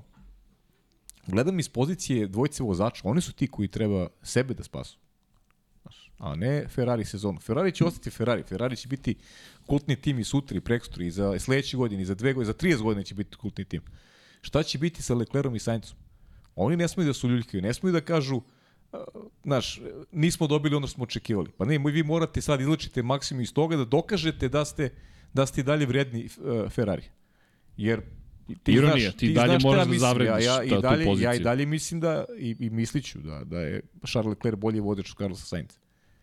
Ali ono što je radio na prošloj trci, ono mu ne priliči. Ako ti si, znaš, ako onako komuniciraš sa timskim kolegom, ako, ako u njemu vidiš krivca za ono što si ti loše uradio, to je popuno pogrešan put. To je neki, neki dokaz da se nosiš dobro u svojoj koži. Znaš, pokazuješ znake slabosti.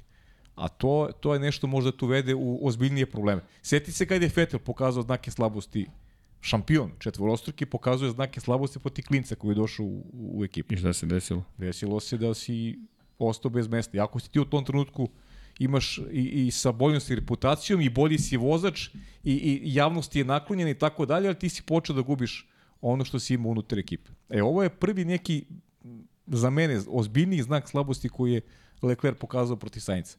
Tako da kod njih nema, kod vozača, nema alternative. Oni moraju da budu maksimalni. I to moraju da radi, ne, surovo moraju da se ponavljaju. Nije mi palo na pamet, ali surova istina. Ti moraš da zaslužiš mesto u ekipi koja, nažalost, Ekipa, Ti Srki, neće pružiti to što želiš, ali to je kultna ekipa. Srki, sutra da nas pozovu. Odmah. Ne razmišljamo previše. Šta ti je? To je Ferrari. To, to se ne I odbija. tako razmišlja, Pa bilo koja ekipa pa tako Formule 1. razmišlja svako ko je u Formuli 1, znaš. Ferrari je, znaš, Ma čekaj, Alfa Tauri da nas pozove. Pa dobro, okej, ali aj sad pričam, stvarno pričamo, znaš, pričamo, Pričamo o, o- o, o timu, o timu koji Izvini. je bez kog ne može zamisliti Formula 1 realno, znaš, to je to je to je činjenica. vidi, kada pogledaš e, timove, kada pogledaš šta su, koje su to kultne ekipe, Ferrari apsolutno zauzima jedno posebno mesto. Tu, tu nema mnogo diskusije. Pa najviše navijača ima, najveća baza Pa navijačka, najstariji naš, tim. najstariji tim, sve, sve ide, sve ide ovaj, ide uz njih. Tako da mislim da nije tim ko tim, ovaj, tim ko tim će da, i, i možda zbog toga što su uljuljkani, možda su malo i previše prepotentni, pa, pa iz tog razloga ne dobijamo ono što, što očekujemo ovaj, već godinama unazad, ali vozači ne mogu da se, ne mogu da se opuste. Ne mogu da se ponašaju kao tim. Ako je tim loš, ne, ti moraš na stazi da budeš dobar. Dovoljno dobar da navijači kažu, ha bro, ovo, ovo, je, ovaj momak je sjajan vozač. Na svakoj trci, ovaj momak je sjajan vozač. Dobar karakter. Može mnogo. Znaš, E, da, pa da, da, je- da stavljaš do znanja stalno da si ti pravi. Pa, Filip Klerin je imao vrlo zanimljivu analizu za autosport. Zašto svi žele da se pridruže McLarenu? Na primjer, McLaren nije Ferrari, a opet McLaren je zaista velik tim. Pa ne, pazi. Istorija Formule McLaren 1 je, McLaren je u tom košu. U tom McLaren košu je u tom košu, bukvalno. realno. I To je- to je sad možda zaboravljeno, ali Bruce McLaren je čovek, priča o Bru- Bruceu McLarenu je fascinantna. Za one koji ne znaju, Novozelanđanin koji je stvorio sobstvenu istoriju, to je Jeste. prvi jedini čovek koji je osvojio titulu u sobstvenom bolidu, koji je pobedio u sobstvenom bolidu. Uh, McLaren u McLarenu. Dakle, to je čovjek koji je napravio svoj bolid da. i pobedio u svom bolidu. To su prosto neverovatne neke stvari. I mi kada pričamo o Brusu McLarenu i njegovoj zaustavštini, ona je i pre Rona Denisa bila neverovatna. Tako je. On, Danny Ham, Danny Ham, isto novozelanđanin, Da, čovjek bio. Ron Denisa vezujemo za, Za taj period istoriju, prosta tako sene i tako dalje, ali, ali McLaren Bruce je McLaren stariji. je Bruce McLaren, Tako da. je. I Bruce koji inače, inače, ne znam da li, apropo, krenuli smo te priče o, o, o prosto savladavanju hendikepa. Svi imamo neki hendikep u životu. Da li je to neuroza, da li je to neko drugo stanje, da li je vidljivo ili nevidljivo. Bruce McLaren je imao jednu nogu kraću. Ne znam da li to neko zna. Dve godine čovek proveo zapravo ležeći na, na rešetki drvenoj i s obzirom na činjenicu, zaboravio sam tačno koje, koje stanje je u pitanju a, i lečili su ga kao klinca, međutim nikad mu noga nije bila desna noga izrasla dovoljno ili leva, ili moguće da je leva. I prosto je čovek na levoj nozi morao da nosi dodatak da bi ponekad dohvatio kvačilo na nekim vozilima On se nikad nije dozvolio da se bilo ko bavi time. On je bio Bruce McLaren, ja sad to pričam kao anegdotu, ali niko nikad nije pričao, e, sećaš se onog momka što je imao kraću nogu. To je Bruce McLaren, trostruki šampion sveta, to je legenda. I taj čovek je stvorio taj tim koji je posle Ron Dennis odveo na još neke neslučene visine i stvorio kult ekipe kakav je bio od 80-ih, 90-ih, pa i početkom 2000-ih. Da, izgubilo se malo tog sjaja, ali to je dalje McLaren. Tu nam nedostaje Williams, to je tek isto zanimljiva priča.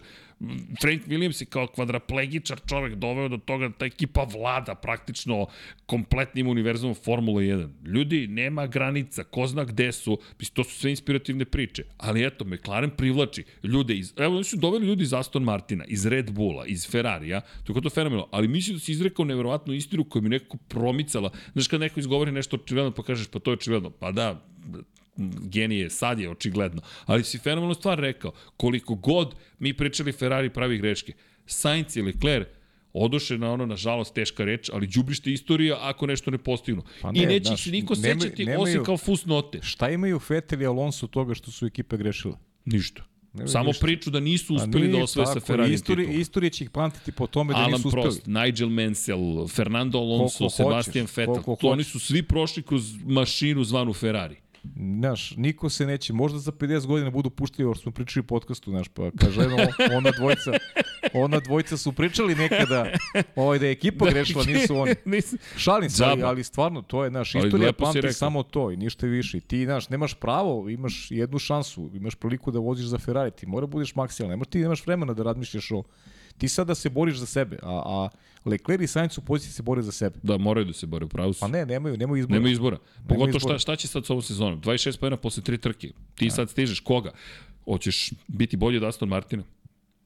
Ti sad imaš revitalizovanog Fernanda Alonsa, Lance Stroll, ej, ne bih ga pocenjivao, malo je nevidljiv, ali ga ne bi pocenio. Da. Zatim imaš Mercedes. Izvini, James Ellison se vraća, čovjek koji je slično Adrianu Njuju, e, to je pandan Adriana Njuja u Mercedesu. James Ellison je stvorio te pobedničke bolide koji su harali. Dakle, ne samo on, da se razumemo, Paddy Lowe je tu učestvovao takođe, postavili su osnovu kako Ross Brown, tako i Mihael Schumacher u celoj priči. Inače, fascinantno mi je, sticam okolnosti sam odgledao crtani, ne crtani film iz 2008. Asterix na olimpijskim igrama i ne znam kako sam taj film propustio pre 15 godina. Mog šoka kako nisam pao sa stolice kada sam vidio na trkama kočija zapravo Mihael Schumacher i Jean Todt kako se trkaju. Nikad nisam vidio tu scenu i ovako sedim i razmišljam, Nadam se da ovo nije generisan lik, jer da gledam koja godina, 2008. videti Schumachera kako se takmiči u filmu, bilo je fenomenalno. Čovek legenda, keep fighting Michael, apropo i Hasanovog tog Instagram posta, pogledajte kako skače na pobedničkom postu i 91. poslednja pobeda, ali šta hoću da kažem, ko je osvojio titulu? Michael Schumacher i Kimi Raikkonen, dakle Kimi Raikkonen, to je potpuno, a, najveća legenda svih vremena, njemu moramo posetimo još jedan specijal, on je nevidljivo osvojio titulu za Ferrari, ali šta, šta je pojenta? Pojenta u celoj toj priči, James Ellison se sada vraća na poziciju tehničkog dnevnih stvari. Seti se kada u garaži nije bilo Adriana Njuje u Red Bullu. Nije to bio taj Red Bull koji je sada. Kako se on vratio sa svojim notesom, ne, ide škraba i crta piše, pa to ti je, eto ga. To ti je ovaj, priča o timskom radu. Znaš. Ti, ti na svakoj poziciji moraš da imaš nekog, nekog kapitalca, nekog kapitalca koji će ovaj, da, na taj svoj deo posla obavi kako treba da bi se sve, jer, jer ni najbolji vozač na svetu ovaj, u ovoj modernoj Formuli 1 ne može da funkcioniš idealno ako nema tim oko sebe. Oko sebe. Pa tu u krajnjem slučaju nije mogu da Mihael svoje pa, vremena u Ferrari. Bez svog tima. Znaš, da ima neki, da ima neki tim koji ovaj, mu nije bio posvećen, koji nije radio na detaljima, koji ga nije slušao, jer Mihael je sam bio posvećen detaljima, vrlo dobro je znao šta mu treba. Da je bio neko koji je onako osrednje, da kažem, ono, na jednom uđe, na drugu izađe, od, tog, od te priče nije bilo ništa. Tako da je ta neka kompaktnost uh, tima i, i, i odabir uh, pravih ljudi je nešto što je preduslov za, za vrhunski rezultat. Ali, kada to nemaš, ako imaš ošće da si prepušten samo sebi, pa ti moraš da, da, se, da se dokazuješ. Ti ne možeš da digneš ruke i kažeš, naš tim kao nije, pogotovo ne možeš da, ako si Charles Leclerc i Carlos Sainz jer ti nemaš iza sebe e, kapital u osvajanju šampionskih titula i e, stečene reputacije, imena e, i svega onoga što što sanja svakog uđe u taj sport. Tako da, znaš, ne, nemam neku ovaj, nemam neki, kako bih ti rekao, alternativu u, u, u onome što što oni trebaju da da da urade ovaj do kraja godine. Ali znaš šta je razlika moje mišljenje na osnovu ovoga što si rekao, ovo sada nije 2021. gde njih dvojica sarađuju da Ferrari vrate ka vrhu da bi se spremili za napad u 2022. Ne, ne, oni, on, ne, oni se, oni Ovo se bore. preživljavanje. Da, oni se bore sada. Da. Ovo je bitka za, za da. karijeru. Bitka, bukvalno za karijeru. Sada je nevezano za ovu priču koja se pojavila po italijanskim medijima, pregovori Leclerc, to je sad opet spekulacija, pitanje Naravno. koliko ima istine. Ajde se fokusira ono što je realno. A realno je da, da ovaj, njima dvojici polako ističe vreme, pogotovo Leclercu jer ovo već godine se nižu, a ti ovaj šta je najlakše e, timskom menadžeru, šta je menadžeru tima bilo kog na svetu da, šta, šta urade da bi pokrili svoje rezultate? Ili ti svoj nerad? Pa promeniš Vozač. ono ko je vidljiv, a to je vozač, onaj ko je, ko je na stazi. Promeniš vozača i kažeš krećemo u novu eru sa novim vozačom, treba će nam vremena znaš, da se stvari uigraju, opet kupiš vreme, dve, tri godine, I, tako, I to Ferrari konstantno radi. Konstantno pali ta priča ovaj, kod navijača. Ti imaš prvo Alonsa, pa imaš Vetela, pa si onda doveo Leclera koji je veliki talent, a rezultat, rezultat je isti. I uglavnom su krivi oni iza scene, Ali će odgovornost nositi ali na kraju. Ali odgovornost nose i navijači traže u principu odgovornost oni koji su koji su ovaj koji su glavni akteri, oni koji su vidljivi, oni koji čiji se, da kažem, učinak na stazi i vidi generalno, znaš. E, istorija njih pamti. Ko će se seća ko je bio... Lorana Mekisa. Ko nikad niko. Pa, nažalost, ali Loran Mekis, koga smo A, spominjali, da, koji će sada preuzeti Alfa Tauri, to je inače čovjek koji je bio u Toro Rosso, on je još bio u Minardiju u italijanskoj ekipi, toj italijanskoj od dve, u ekipi iz Faence čuvene, nekadašnji Minardi koji je postao Toro Rosso pa je postao Alfa Tori pa će postati još nešto, Mekis koji je bio sportski direktor Ferrarija, često je zajedno sa Injakijem Ruedom zapravo bio odgovoran za ono što se dešava yes. na stazi. Mekis će dobiti šta? Unapređenje. On će čovjek postati šef ekipe, jedan od deset šefova tima, timova na svetu. Yes. Dakle, šta je Mekis postigao? Pa ništa zapravo od onoga što je Ferrari želeo i šta će se desiti? Pa ništa, sad će da preuzme ceo jedan drugi tim. Ok, Carlose, šta ćeš ti? Ideš u neki drugi tim. Koji tim je veći od Ferrari iz te perspektive? Nema pa ne, ali da li, da li ima tim za njega? Pa ne znam, Red Bull, hoće ga Red znaš, Bull, da bio je njihova akademija. Pa ne vidim. To je sad pitanje. I ne samo za njega, evo da postavimo I za Charles Leclerc? Da li ima za Leclerc neki tim u dogledno vreme? Pričamo o Mercedesu, otko znamo da je to, da je to tačno. Red Bull, to je, su, su zatvorena vrata, znaš ti. Ti pritom treba iz, iz, da odeš iz Ferrari u ekipu koja će ti ponudi znaš, neku bitku za titulu. Ti ako odeš iz Ferrarija, nemaš trofej, a gde ćeš? Ako to nije Mercedes ili Red Bull. Pa, gde ćeš? Trenutno nemaš borbu Ti da... onda karijera, znači ide silaznom linijom, dolaze neki novi klinci, neki novi, ne znam, Teo Pušer, neki, Dino znaš, Beganović. Dino Beganović. Dino Beganović, to navijemo. Ok, da. dakle. Znači, neki novi klinci dolazi i tebi se već gasiti se zvezda, znaš, to je... Znaš, brzo ide ta promenada, brzo, znaš, Lete od stare slave se realno i ne živi, znaš, to Nema, šta si uradio danas? To ti to. Pritom, eto ti Sebastian Vettel, najbolji primer. Znači, četvorostruki šampion, stavili su ga vrlo brzo isti koš sa Leclerom i izgubio, znaš, izgubio primat u ekipi, vrlo brzo. Znaš, to je Ferrari. Proguto, proguto Ej, šampiona, vidi. znaš, ovako ga proguto. Pa, Ferrari. Jedini A, koji može tako baš da proguta. Bukvalno, bukvalno. I ti dalje želiš da dođeš u Ferrari. To je ono što je fascinantno. To je to. Pa, jest, e kao ovde jest. su svi, većinu su propali ovde. Nema veze, to je Ferrari. Dajte mi još. Pa da. Da, napravio bih sad analogiju, ali rekao bih da nije prikladna. U svakom slučaju, Ferrari, ajde da vidimo ta bitka da li će da inspiriše, nema novih dijelova za Ferrari, makar je to zvanično. Da, da. I makar to ono što je rekao Frederik Vaser, tako da ih ne očekujemo. Mercedes bi trebalo da ima nove delove. James Ellison je rekao da će, to je Toto Wolff, šef ekipe, rekao da će u narednih nekoliko trka raspodeliti unapređenja bolida, ali oni su jasno stavili do znanja da smatraju da treba da se promeni koncept, što je problematično, to smo rekli još u Australiji. Menjaš koncept, a ti si imao na prve dve pozicije svoje vozače sa ovim lošim bolidom. Inače, inače Ellison je rekao da, samo da objasnim i tu promenu, Mike Elliott će da se vrati na poziciju CTO, Chief Technical Officer to bi negde nama bio pandan tehničkog direktora, ali pošto postoji zvanična funkcija tehničkog direktora koja se nalazi ispod CTO-a, Dakle, James Ellison će de facto sada zameniti pozicije sa Mikeom Elliotom i doći će na poziciju koja je ispod Majka Elliota. Ja bih rekao samo formalno ispod Majka Elliota. Dakle, to je kao, ovo je šef Adriana Njuja. E, mislim da čak ni, ni Christian Horner njemu nije klasičan šef. Dakle, zna se hirarhija, ali isto tako to su ljudi koji su posebni pojedinci zaista i Ellison će biti taj koji će zadužen biti za razvoj bolida. I rekao je za W14 Ellison, što se tiče ovog bolida, ja ću ga smatrati sporim dok ne bude najbolji na startnom poredku. To je ozbiljan zadatak, Red Bull je napravio ogroman iskorak što se tiče i kažem, ukoliko želite pogledati F1 Technical, mislim da smo uradili lep posao, zaista Anesu hvala još jednom.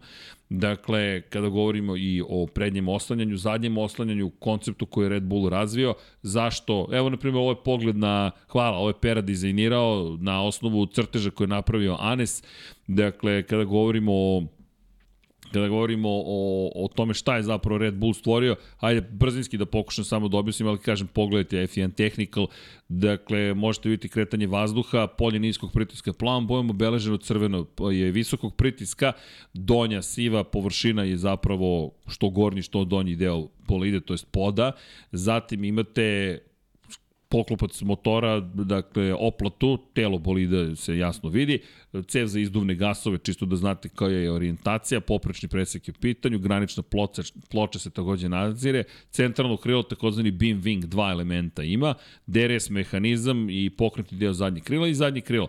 Šta je pojenta kada je reč o Red Bullu? Dakle, trenutno je zatvoreno zadnje krilo i obratite pažnju, na, ne, sada je zatvoreno, prostite, na kretanje vazduha. Dakle, kada govorimo o otvaranju DRS-a, ono što se zapravo desi je na centralnom krilu ključno. Dakle, znamo da će se smanjiti aerodinamički otpor kada se otvori zadnje krilo, međutim ono što će se takođe desiti je da će zapravo doći do takozvanog e, sloma uzgona, to jest nizgona i da će do, doći zapravo do, to, do stolinga i da ćemo imati zastoj takozvani aerodinamički. Šta to znači? Pa apsolutno ne postoji nikakvo prijanjanje u smislu ne samo prijanjanje, već otpora vazduha pre svega. Otpor vazduha je toliko smanjen da vi imate trostruki DRS, pri čemu će se pojačati polje negativnog, to je niskog pritiska, kada govorimo i o podu i o srednjem delu, to je centralnom krilu, i onda DRS funkcioniše na jedan gotovo maksimalno efikasan način. To je jedan od detalja koji radio Red Bull, inače prednje oslanjanje, o tome smo dosta pričali tokom te emisije, je dosta drugačije napravljeno, a ruka gornja, prednji krak A ruke je mnogo više vertikalno u, vertikalnoj ravi odnosu na donji krak, to je zadnji krak A ruke. I iz te perspektive zapravo su postigli da je bolid mnogo stabilniji prilikom i dodavanja gasa i oduzimanja gasa, to je negativnog ubrzanja i ubrzanja, tako da to se zove anti-squat i zapravo anti-dive sistem, dakle da ne dođe do zapravo preterane razlike između visine bolida prilikom kočenja i dodavanja gasa. Adrian Newey, genij apsolutni, ali da se vratimo na Jamesa Ellisona, Ellison sada sve to nekako mora da nadoknadi, kompenzuje i sustigne ih. Čak sad se Red Bull oglasio i pričao o tome da su bili na korak od toga da sustignu W11 čuveni Mercedesov. E, skeptičan sam po tom pitanju, ali, ali ok. Svako sad može da kaže, e, znaš šta, pre tri godine bili smo na korak od toga da stignemo Mercedes.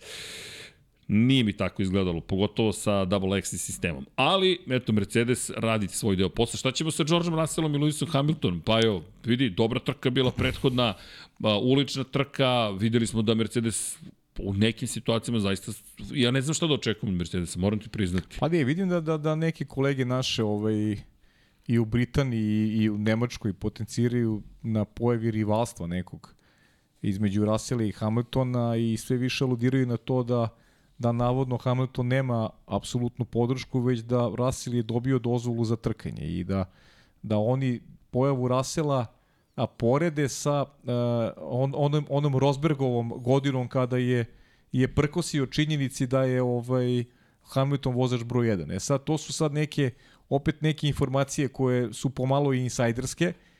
Iskreno, nešto baš nisam previše sklon toj, toj teoriji. Ja i dalje negde opet to je neki moj stav, kažem, ovaj, ograđujem se, znači nemam ovaj, nikakve upute ovaj, jasnije u ono, u ono što, što govorim, prosto gledam kako, prosto moj način, moje razmišljenje na celu temu. Mislim da da će Luis dobiti prednost onda kada ulog bude ovaj, dovoljno veliki, kada bude mogao da se bori za, za titulu. To je, to je, neki, to je neki moj sad pogled. Ali da, Russell, uh, e, Russell radi ono, ono što treba da radi Leclerc i Sainz. E, možda je Russell najbolje poređen. Russell upravo radi ono, ono što treba da radi mladi vozač koji, koji želi da jednog dana postane šampion. Izlači konstantno maksimum iz onoga što ima. I nameće se. I, i nameće, se, nameće se krupnim koracima. Baš se onako, nameće se u svakoj situaciji.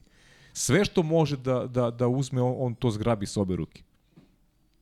I to je ovaj i, i, i postoji ta, ta, kako bih rekao, a, kod njega vidiš emociju, vidiš emociju, vidiš kad je, kad je ljud kao prošli trci, kada, kada su bile one crvene zastave, kada je njegova taktika ovo, izgubila, izgubila svaki smisao, a, vidiš emociju i kada, kada je zadovoljan, a, prosto posvećen je maksimalno i ovaj neko ko, ko bi u budućnosti, ko bi u budućnosti uh, mogao da bude takmac Maxu Verstappenu ovaj, u, u borbama za pa, titul. Pa to je ta generacija koju pričamo non stop. Charles da. Leclerc, George Russell, Max Verstappen, Lando yes, Norris. Lando Norris, da. To, to je ta četvorka. Da, s tim što Lando Norris moj favorit u celoj priči, malo gubi ovaj gubi sa njima uh, korak. Korak zato što prosto naš nema nema bolid koji upravljiv i, i ovaj i mislim da je, je došlo kao kod svakog mladog čoveka pogotovo Mislim da mladi ljudi gube onako gube strpljenje. Ne kritikujem, to je to je logično da da da da su nestrpljivi i da žele da žele brže da se neke stvari dese i mislim da da je malo došlo do zasićenja a, ovaj sa sa sredinom u kojoj u kojoj trenutno bitava zato što prosto svestan potencijala, nema priliku da ga, da ga dokaže u punoj meri. Znači, A I to to, je- je... to ono što utiče na svest. A, a pazi, ti si sad u, u jednoj mučnoj situaciji. McLaren mora brzo da napreduje, što je teško u eri ograničenih Baš- baš budžeta. teško. Zatim ti dovodiš sada inženjere, da rezultati njihovog rada biće vidljivi tek 2025. verovatno možda neš, do, neš, do nekle 24. Ti treba da, da izgubiš još dve sezone, da se nadaš da će ona treća od sada biti konkurentna sezona, a istovremeno Mercedes Red Bull deluje kao da je tu dosta zatvorena situacija i onda ti ostaje ta priča možda o Ferrariju, da ti odeš u Ferrari, što opet malo pre smo već zaključili dosta onako jedan rizičan, problematičan potez, ali nešto moraš da uradiš. Isto važi i za Sainca za Leclerca. Moraš da uradiš. Lando, što se tiče bolida, ja mislim da on čovjek ne može više od ovoga da uradi. Dakle, ti da izvučeš više iz ovog bolida, i prošlogodišnjeg šta je uradio, zaista mislim da to nema, nemamo šta da tražimo od Landa Norrisa. Jednostavno da čekamo McLaren da povuče svoj potez. Ali mi je zanimljivo za Russella i za, za Hamiltona.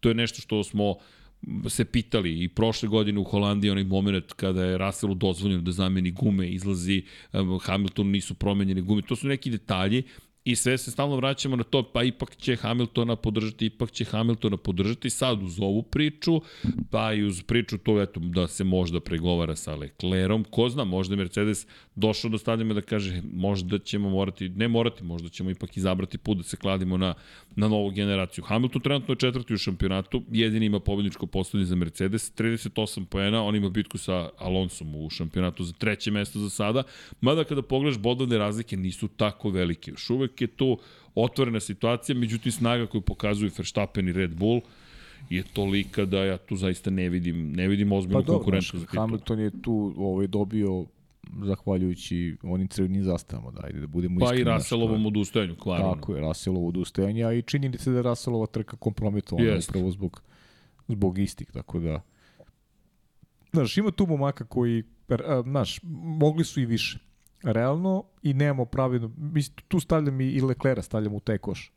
Jer tek očekujemo, želim da vidim trku, kontinuiranu trku Leclera, ovaj, Znači, jedan dobar učinak kombinacija, pre svega dobre kvalifikacije, pa da vidimo kako će se ponašati ovaj, u trci.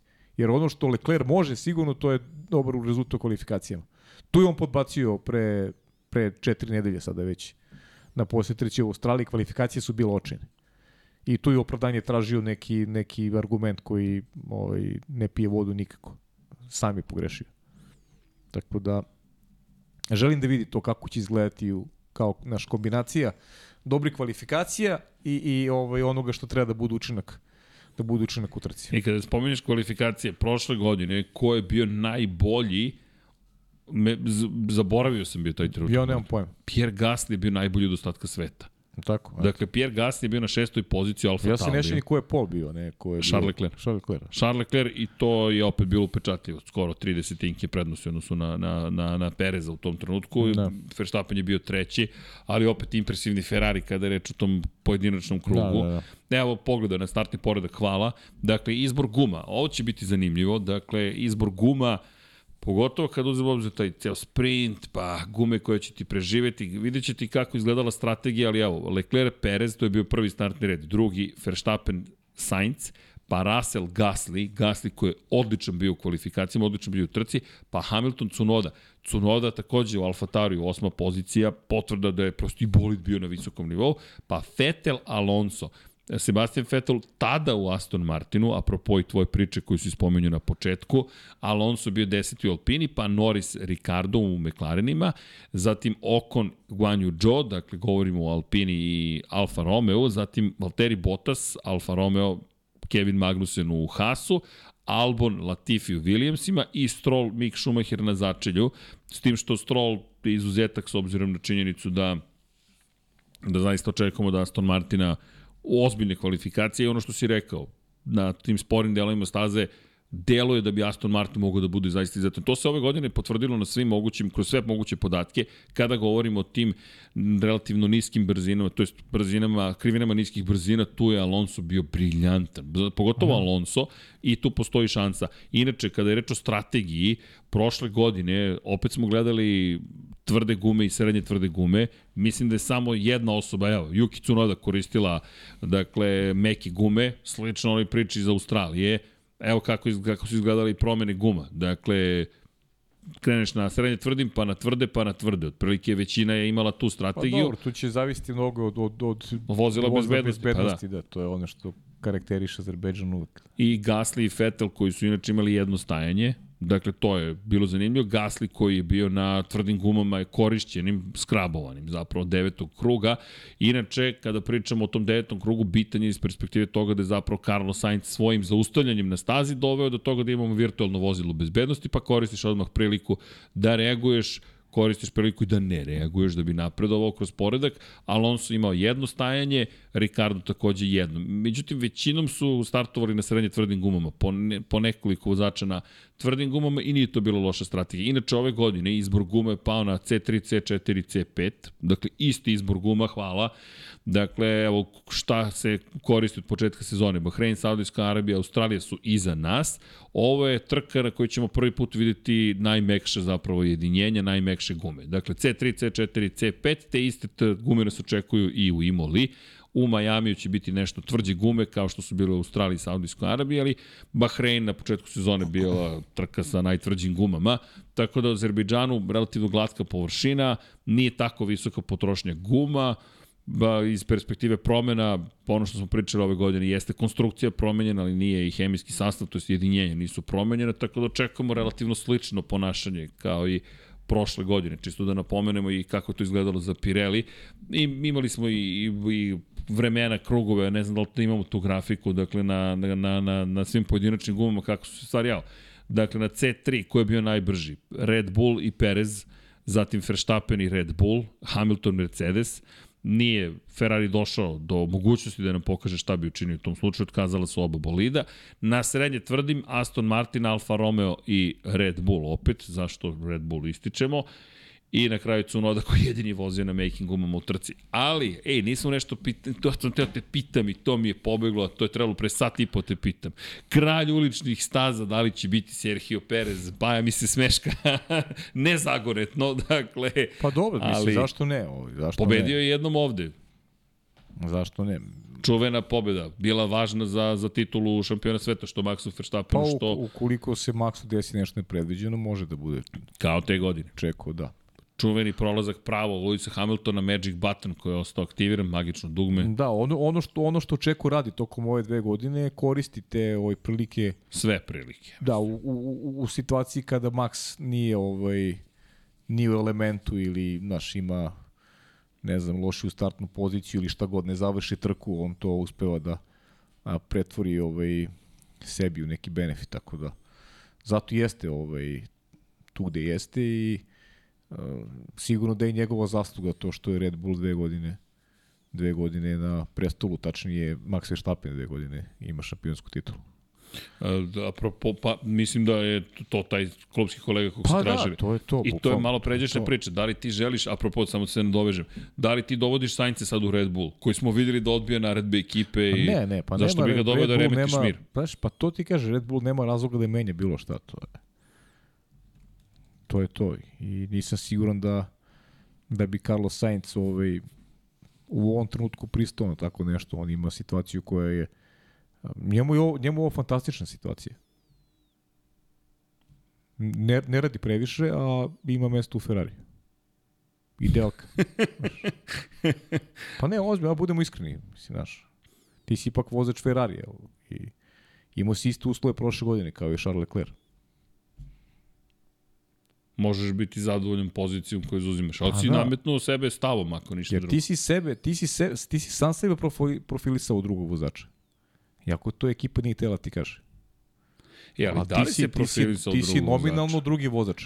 Ali čekaj, on je taj ko odbija naređenje ekipe. On je pa taj da, koji... I šta, šta znači to? Znaš. Pa ne, ne, ali nije se postavio kao vozač broj 2, postavio pa, dobro, se kao on se, nije, on, on se nije postavio tako, ali staza je pokazala, staza je jedino merilo. Aha, okej, okay. govoriš iz te pa, perspektive. Govorim samo o stazi, to što on u svojoj glavi se nije postavio, pa to je, to je, ima pravo na to. I donelo mu je rezultat. Pa ne, on ima pravo donelo na to. Donelo mu i pobedu u Silverstone. To je sve okej. Okay. Znaš. Samo mi je Ali bilo... sada su, opet sada su, njih dvojca su sada u istom košu. Nije to više prošla godina. Sada su u istom košu. Sada, juriš da preživiš. Sad, bukvalno, sada je i borba za, za, za sebe. Ja sad, sad mogu da razumem i odbijanje i da ne želiš ni da prepustiš Leklera, jer, znaš, nije, kako bih ti rekao, ovaj, sad ekipa to ne treba ni da radi. Pa ne boriš se za titul. Pa ne boriš za titul i nemaš razloga da, ovaj, da, se, da se ponašaš. Da bilo ovaj, kome tražiš da Pa se ne, poveri ne, bilo ne, kome. nikako. Ovo je trka. To je jedino naš u nekim okolnostima gde ti prosto trka nalaže da ti treba da doneseš nešto što nije možda popularna odluka. Kapiraš? U tim okolnostima. Drugačija ali, ne, ali strategija. ne zato što forsiraš jednog, nego zato što prosto imaš neku viziju koja treba da ti donese neki, neki ovaj profit. Razumem te i slažem se s tom kada razmislim šta ti sada možeš da da kažeš vozačima, borimo se za titulu šampiona Pa sveta. ne, ne boriš se. Evo, evo vam, sada imate stazu, pa Pa neka bolji pobedi. pokažite ko je bolji. Dobro, to će možda bude i manji pritisak zapravo iz jednog i za drugog. Možda sad budu bolji. To je ono što si pričao, sad kad je manji pritisak ćemo, da- da nije, nije toliko Pa važno. veće su šanse sad Carlosa Sainca kad ima manji pritisak. Da, pa jeste, to Pa se jeste. desilo one godine kada se nisu borili za Pa pobedu. da, pa da. Ali dobro, svaka mu čast i dalje odradio svoj deo posla. Inače, apropo priče, je da, moram da se pohvalim, imamo naručbenice iz Nemačke za, za, za knjigu, otišao je paket već čovjek kupio iz Nemačke rekao ima još ljudi iz Nemačke koji su zainteresovani za kupovinu ove knjige. Inače, Google Translate je odradio čudesan posao, mi nemamo verziju na nekom drugom jeziku. Dakle, E, ti kad kažeš knjige, ja sam htio da malo dopunim ovu priču o Azerbejdžanu, ali nažalost, evo, googlao sam, zato sam malo, ovaj, da, da. Teo sam preporučiti jednu knjigu jednog sjajnog azerbejdžanskog pisca, ali starog pisca, pročitao sam je davnih dana i nisam uspio da izgooglam, ali obećavam da ću za sledeću da pripremim, jer Taban. da nije ovaj, malo istorije te zemlje ovaj, opisana kroz, jedan, kroz roman koji je zaista fenomenalan, ali baš mi žao, ne mogu setim i, i ne mogu da naćem. Dobro, za sledeći put, taman da... Pripremit da, ću, da, da, da, pri- pripremit ću to, to, to. da. Dobro, mi imamo šta da čitamo. Čekaj, prešer, Imamo, pre, da. prešern, hoćemo neku pesmu da A izaberemo. prešern, da, prešern, ali dobili smo prešern na, na slovenačkom, tako da ovaj, malo ćemo da vežbamo i slovenački. Ok, neka ne zamere svi koji razumeju slovenački, ako budemo skrnavili nije nikakva loša Da, namera, pa upravo samo ne znam. zato ti kažem, da. Samo ne znam, ovde se već ne, ovde se neki Da, već da. smeju, ali dobro. Nećemo, nećemo, stvarno. Ne, Neće, kaže, nećemo. kaže, ne, ne, da, Da da ne bismo pokvarili, ok, da provežbamo, da, ok, da, s da. kim ćemo da provežbamo, ok, Pa ne, pomozite mislim- nam. Evo, ko, ko može na slovenačkom neka ako- pročita ako ne pesmu ra- Kam. Ako ne, raz, znaš, ako ne razumeš nešto, možemo da, da znaš, neku reč pronađeš ovaj... Ne, ne, ok, ne znam kako se naglašava, Pa ali... to ti kažem, znaš. Kam, ko brez miru, okrug divjam, prijatelji prašaju me kam. A, pa nisam loš toliko, nadam se. Uh, čekaj, moram da odmaknem. Prašajte raj oblak neba, prašajte raj val morja, kadar mogočni gospodar drvi ih sem tertje vihar. Oblak ne ve in val ne kam, kam nese me obup ne znam. Samo to znam, samo to vem, da pred obličije nje ne smem. Inde ni mesta vrh zemlje, kjer bi pozabil to gorje. Opa, a nije loše. Bravo, Nije loše, mator čovek. Pamti razna vremena, ali dobro. Ok, moj tata će biti ponosan. Sine, znao sam da prešern živi u tebi. Pozdrav, Da. tata, pozdrav. Kad, kad sam bio klinac kao u prešernovoj kleti. Ta klet mi čud, zvuči mi već nekako čudno cela priča, Yes. ali posle kad sam shvatio, Tata, razumem te sve u potpunosti, biblioteka je čudo. Inače, Pierre Gasly, to sam htio malo pre da kažem, imam utisak da bi ovo mogla da bude dobra trka za Pierre na osnovu prošlogodišnjih rezultata, pa Alpini je potrebno, pa Esteban Okon ovde voli dobro da vozi, pa ajde da vidimo da li će, da li će to sve neko da se sklopi. Inače, najveći pogled naravno jeste ka vodićima, dok Verstappen Perez neka njihova priča ne postoji realno, i dalje je to Verstappenov tim, tako će i ostati, ali da vidimo Red Bull, da li će samo nastaviti ono što je počeo da radi, ili Aston Martin ima Pa ja priču samo, svoju. samo želim da oni budu glavni akteri, da se, da se ne umešaju ti faktori sa strane i da, ovaj, da dobijemo ovaj lepu trku. Ma meni ono da s ne- Mercedesom da ne kako pričamo- krenulo, uf, baš je bilo da dobro ne u pričamo o ovim, ovim likovima koji siguraju da budu Drive to Survive pa, pa izmišljaju ovaj, koje kakve gluposti. dajte nam malo akcije, dajte malo... Pa ja mislim da nema mnogo opcija, ovde sad moraš da imaš akciju. Tako Da. je napravljeno. Trening, kvalifikacije, kvalifikacije, sprint, trka. Ja, Ne ove, laž, ne ove lažne akcije, izmišljene akcije, nego, A dobro, nego malo da se malo računa- zasoli. vodite malo računa tokom trke ove, kakve odluke donosite, a ne na Ovo kraju čekaj, da nismo imamo se dotakli direkcije trke. Zamisli kako će da briljira tek ovde direkcije trke.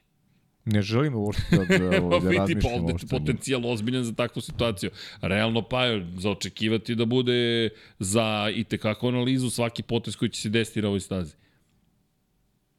Možda ovi odluči iz Drive to da preskoče Baku. Da, sumnjam, čisto mislim da su ovde došli sa više kamera nego inače. Ovo je, ovo je istorijski moment. Prvi novi sprint. Dakle, tek postoji dve godine sprint, već imamo, ovo je treća sezona sprinta, već imamo novi. I naravno, i sad cela priča kao da li će nam nedostajati stari format?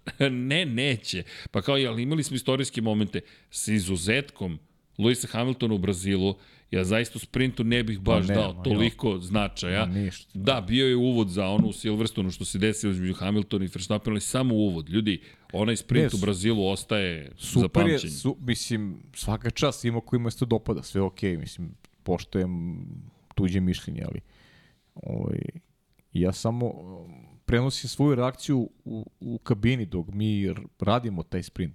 Kao da, ne znam, zabavniji mi trening nego, nego sprint kvalifikacije. U većini slučajeva su bile makar. Baš. Ne, ne, ne, da, volim tvoju iskrenost, pogotovo što znam ka, neki put kada sprint je tok, mada, bila je onaj moment Pa u znaš da, Imoli, s- znaš da sam jednom za malo zastup, sećaš se. Sećam se. Sećam se, ako već otkrivamo situacije, da, da, nisam ja preuzeo mikrofon, samo... Pa počne pada glava. Sprint ne, kvalifikacije. ne, ne, bi- bilo je, bilo je. treba pravimo akciju. Kakva akcija? Pa ne ono, možeš ništa, budžetom. ono, e, ali to, izvini, bila priča... To je Max pričao pošteno, dečko rekao, mislim. Ako to je- nastavite s ovim, to. neće još dugo biti. Pa, ali da. Bajo, znaš šta mi je bilo super? Mnogo ljudi me zvalo posle Moto Grand Prix kvalifikacije Ne, ne, ne, ne, sprinta to i reklo, to je- e, ovo bi bilo Tako je, dobro da to je vidimo. to. Pa Ali- isto, evo ja sam gledao, uh, ne patim kada sam odgledao, koliko je bilo, tri trke, ili tako? Tri trkačka vikenda do sada bilo. Sva tri sam gledao. Opa, pa to je, Sve- sve, pa sve to je tri- već postignut cilj. Pa da, sva tri sam gledao. Ok, namestili su okolnosti da, da u to vreme nešto ne radim, da mogu da ispratim, ali sam gledao, znači nisam ono okretao kanale i ne znam, gledao nešto, nego sam ciljeno to gledao. Mi je bilo zabavno. To je to. Dobro, Sprint mi je bio cilj zabavan. postignut. Pa da, sprint mi je Cilj zabavan. mi je postignut. Sprint, pa da, Neka, je. to je, to je cilj. Jeste. Svaka im čast. Ja sam bio skeptičan, ali sad jedva čekam da vidim u Herezu šta će da bude. Da, dakle, vidim naravno. kako će da izgleda sprint na na jednoj malo sada drugačijoj Pa da, stazi. tu ti, Gužva, ti kratka, ti ne znači uska. ono, pol pozicije, ne, prvo, prvo, tamo pol pozicije ne znači ništa. To je, to je. Pa sad je već, moraš da budeš privr... Zavisi koji motor imaš, ali Da. motocikl, ali generalno, ako si na Ducatiju ili KTM-u, ne moraš toliko Pa da budeš. ništa, Pa pa ja ako padne kiša, onda ne Ako znači padne kiša sad. E da, nisam pogledao vremenske uslove sada najnovije za Baku, kako će biti vreme. Ali da bacimo pogled na to, ja tipujem da će vetar biti vrlo snažan. Govorimo ipak o mestu koje se nalazi na obali Jeste. velike vodene površine, da se tako izrazim, Kaspijsko jezero, jel te? Suvo, suvo, suvo, suvo, ali vetrovito u petak. Evo, čak i prognoza kaže da će biti vetrovito što nije neočekano. U ponedljak se očekuje kiša, u nedelju će biti oblačno, ali bez Neka padavina. pada u ponedjeljak. Pada. Ponedjeljak može, od 14 do 19 je da, temperatura, da vidimo, petak će biti 14 do 21, Pa dobro, dobro. prohladno, da, Pa da, 14, da, ok 25, temperatura. 17, 27, dobro. Te to će isto biti zanimljivo videti, treba da se spremiš. Ok, da ne ponavljamo priču. Ne, spremit će se nekako i Pa dobro, trkamo znaš, se. svi su, znaš, svi su u istom košu, tako da isti uslovi za sve.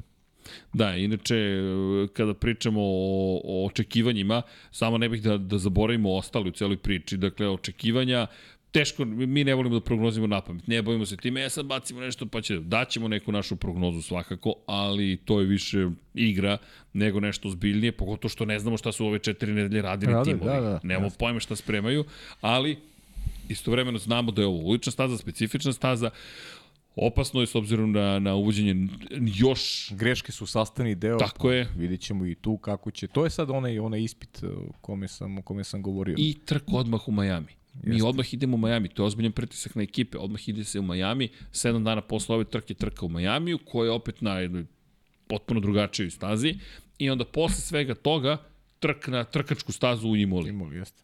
I početak tog jednog evropskog dela sezone. Tako da, e, ovde je neki signal, sve u redu? Ne, nešto smo, učinilo mi se kao da je, je baš što nešto smo imali igranku sa internetom ovih poslednjih par nedelja malo, ali sad je sve okej. Okay. Luka i Kuzma smo imali neke situacije, ali to smo sve rešavali. Pa sam se zabrinuo već da nije opet, Da ali... nije isto. Pa da, da nije slična situacija. Inače, pozdrav za, za sve koji su trenutno, mislim da, da, ja, mislim da studio danas od ka, da sva svetla nisu ugašena od 15 sati, otprilike kako, kako je krenulo od Brakusa i Banjca jutros. U jednom trenutku su malo bilo ugašeno, baš je onako... Ma, intenzitet. Intenzitet, pa ti si sutra pod kapicom. Ja sam sutra, Biću da. ti tu realizator. Hvala ti, Dijas. Mislim da su me svi koji me poznaju podsjetili no sedam puta sutra pod kapicom, ti si realizator. Dobro. Dobro. U 12.30, Dobro. znaš. U 12.30 bez brige pojavit ću se. U 12 ću biti prisutan. Dobro, dobro. bez brige. Pa evo, da se vratimo mi u Formuli 1. Da, dugo je nije bilo. Dakle, kada pričamo o očekivanjima, teško baš predvideti. Ajde da vidimo zanimljivu borbu to. McLaren, Alpina, Haas. Znaš, A lepo si rekao, ovaj, nema, nema šta tu nešto specijalno da se, da se analizira, da se predviđa. Prosto ovaj, čekamo, čekamo Imolu, čekamo odlazak u Evropu i, i verujem da će onda biti već i novih delova, da će biti drugačiji malo ovaj, ambijent. A Azerbejdžan, Azerbejdžan ako iz te neke perspektive, pa ja očekujem ovaj, nadam se da će McLaren je budu dobri ovaj, zbog zbog mog fantazija. Šalim se, ali, ali definitivno mislim da, da, da, da od te, tih ekipa ajde da kaže srednje kvaliteta da će, da će McLaren zahvaljujući toj ajde da kažem i, i tom kvalitetu koji imaju vozači ovo isplivati i da, da će biti ovi boljih rezultata, pogotovo pa Landa Norrisa. Ako stigne taj novi podboli, da pa, pa rizik da, se da, isplati, pa, ko da, zna, možda, pa pazi, da. ali i Oskar Pjastri meni je zanimljiv, ajde da vidimo šta će to ne, da Ne, meni je super, Dob, meni je super zanimljiv, meni je super zanimljiv, ovo, je, ovo su njegovi počeci, nema, nema, nema šta da se, ovaj, da se tu specijalno ovaj, doda na, na neki kvalitet koji on već pokazao. Mislim, to je momak koji je u rangu tih vozača koji su osvajali tituli i u Formuli 3 i u Formuli 2. George Russell, Charles Leclerc, znaš, to su momci koji imaju I tu vrstu potvrde. I tu dolazimo na novu naš. generaciju. Stiže nova pa generacija. Da, stiže, stiže polako nova generacija. I, Stigla je. I oni se tu ovaj, traže neko svoje mesto po sunce. Znaš. Eto, viš kako je na mala vrata već uh, došao Oscar do, do McLarena. Znači, u jednom kratkom periodu on pošao, prošao put do toga da je to već dođe do, dođe do McLarena i praktično i debituje u Formu 1 za volanom McLarena, što je super stvar. A tek treba da nađe mesto i za Prušera, ima tu još mlaka koji se, koji se ozbiljno nameću. McLaren protiv Alpine, ma ja mislim da će to i dalje da se nastavi ta bitka od prošle godine, da će oni opet da budu rame uz rame. Ne, pa biće sigurno, da. Možda sad Alpina trenutno u prednosti i ovo je, ono je bio odbudra za njih, ona, ona Australija. Pa ne samo što tu su izgubili poene, nego je McLaren uzeo poene. Pa ne samo to, nego su još imali pritom dosta su platili ovaj ta ta Da, ogromne su štete. Safnauer je dao velike, intervju ko može neka posluša podcast F1 Nation, pričao je baš o tome, o rezervnim delovima je pričao, o mislim, novcu. Mislim da je Haas bio tu, Gene Haas bi ugasio ekipu, verovatno. Pa vidi, pa to je bi cela priča o Miku Schumacheru prošle godine, šta se sve dešavalo i koji su gubici tu bili. Inače, da, da, apropo cele priče, Williams je tražio, je pogotovo bio tim koji je dosta glasno tražio da se dozvoli da se malo promeni situacija kada je reč o budžetu ove godine. Dakle, kada pričamo o, to smo spomenjali ma na početku, dakle da će biti uvedeni motori, broj 4, to jest ne samo motori, turbo, MGUH, MGUK i motor sa unutrašnjim sagorevom broj 4 bez kazni.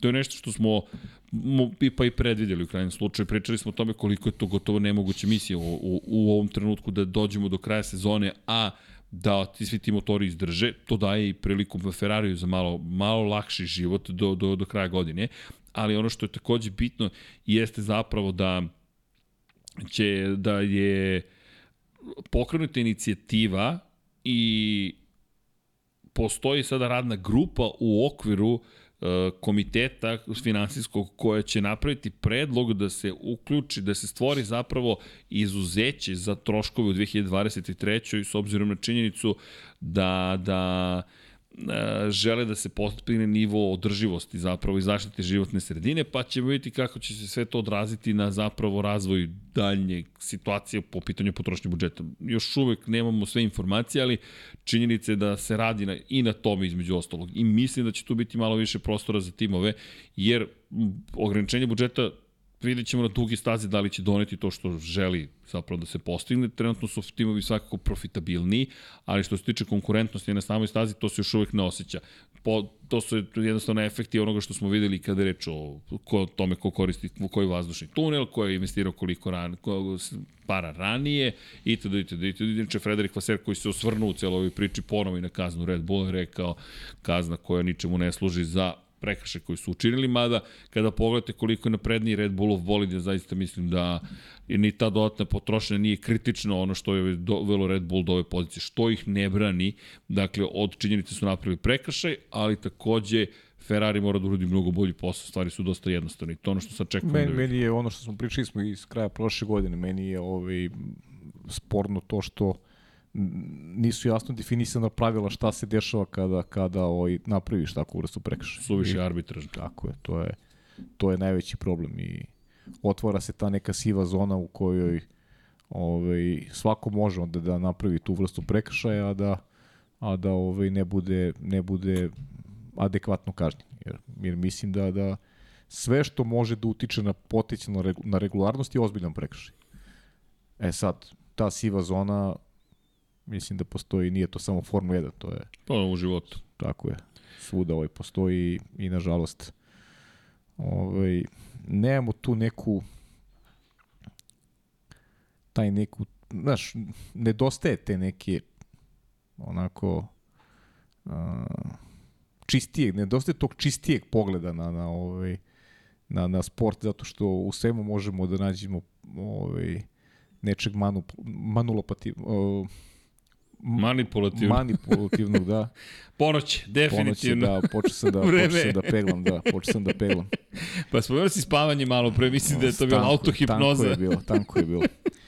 Ali, ali znaš, to, to, to su ti neke, ovaj, uh, neke stvari koje definitivno nisu, nisu dobre ovaj, za, za, za sport kao takav. I, i, i zato se negdje zalažemo stalno da da ovaj što manje ima tih nekih nekih sivih zona i da imamo imamo čisti pogled na ono što uh, može da pomogne sportu da bude da bude ovaj uh, gledaniji i da bude m, nekako u granicama u granicama dozvoljeno. Ajde tako da, da se izrazim. Da imamo gošće Da, po, čujem, po, da. ponoć, da, da, da. Pr prvo mi jezik ovaj za, ovaj, zablesaveo, a onda sam čuo i vrata se otvorio, šta bi sad. Da, ba... Du, možda, do... možda došla ova književna policija.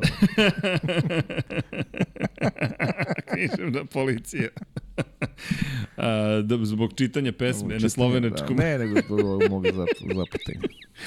Ali dobro. Ne, vidi, ja Alfa Tauri gledam, moram ti priznati, toliko je u problemima Alfa Tauri i toliko stvari nisu zapravo postavili, a prošle godine su bili veoma dobri. Živo me zanima, pošto su oni najavili da će 5-6 koraka zapravo napređivati bolid, šta će se desiti sa Alfa Taurijem. Želim da vidim bolju verziju Yukija Tsunode, želim da vidim bolju verziju Nika De Vrisa, želim da vidim šta će se događati mislim da je, je to, to bilo to, gošće došla i otišla. to je moja lepša polovina negde tu, tu. ali tu je, tu je negde u svakom slučaju. A, po, pozdravite sve e, ljude koji volite, pogotovo vaše lepše polovine, ili jače ili pametnije, ili kako god da su.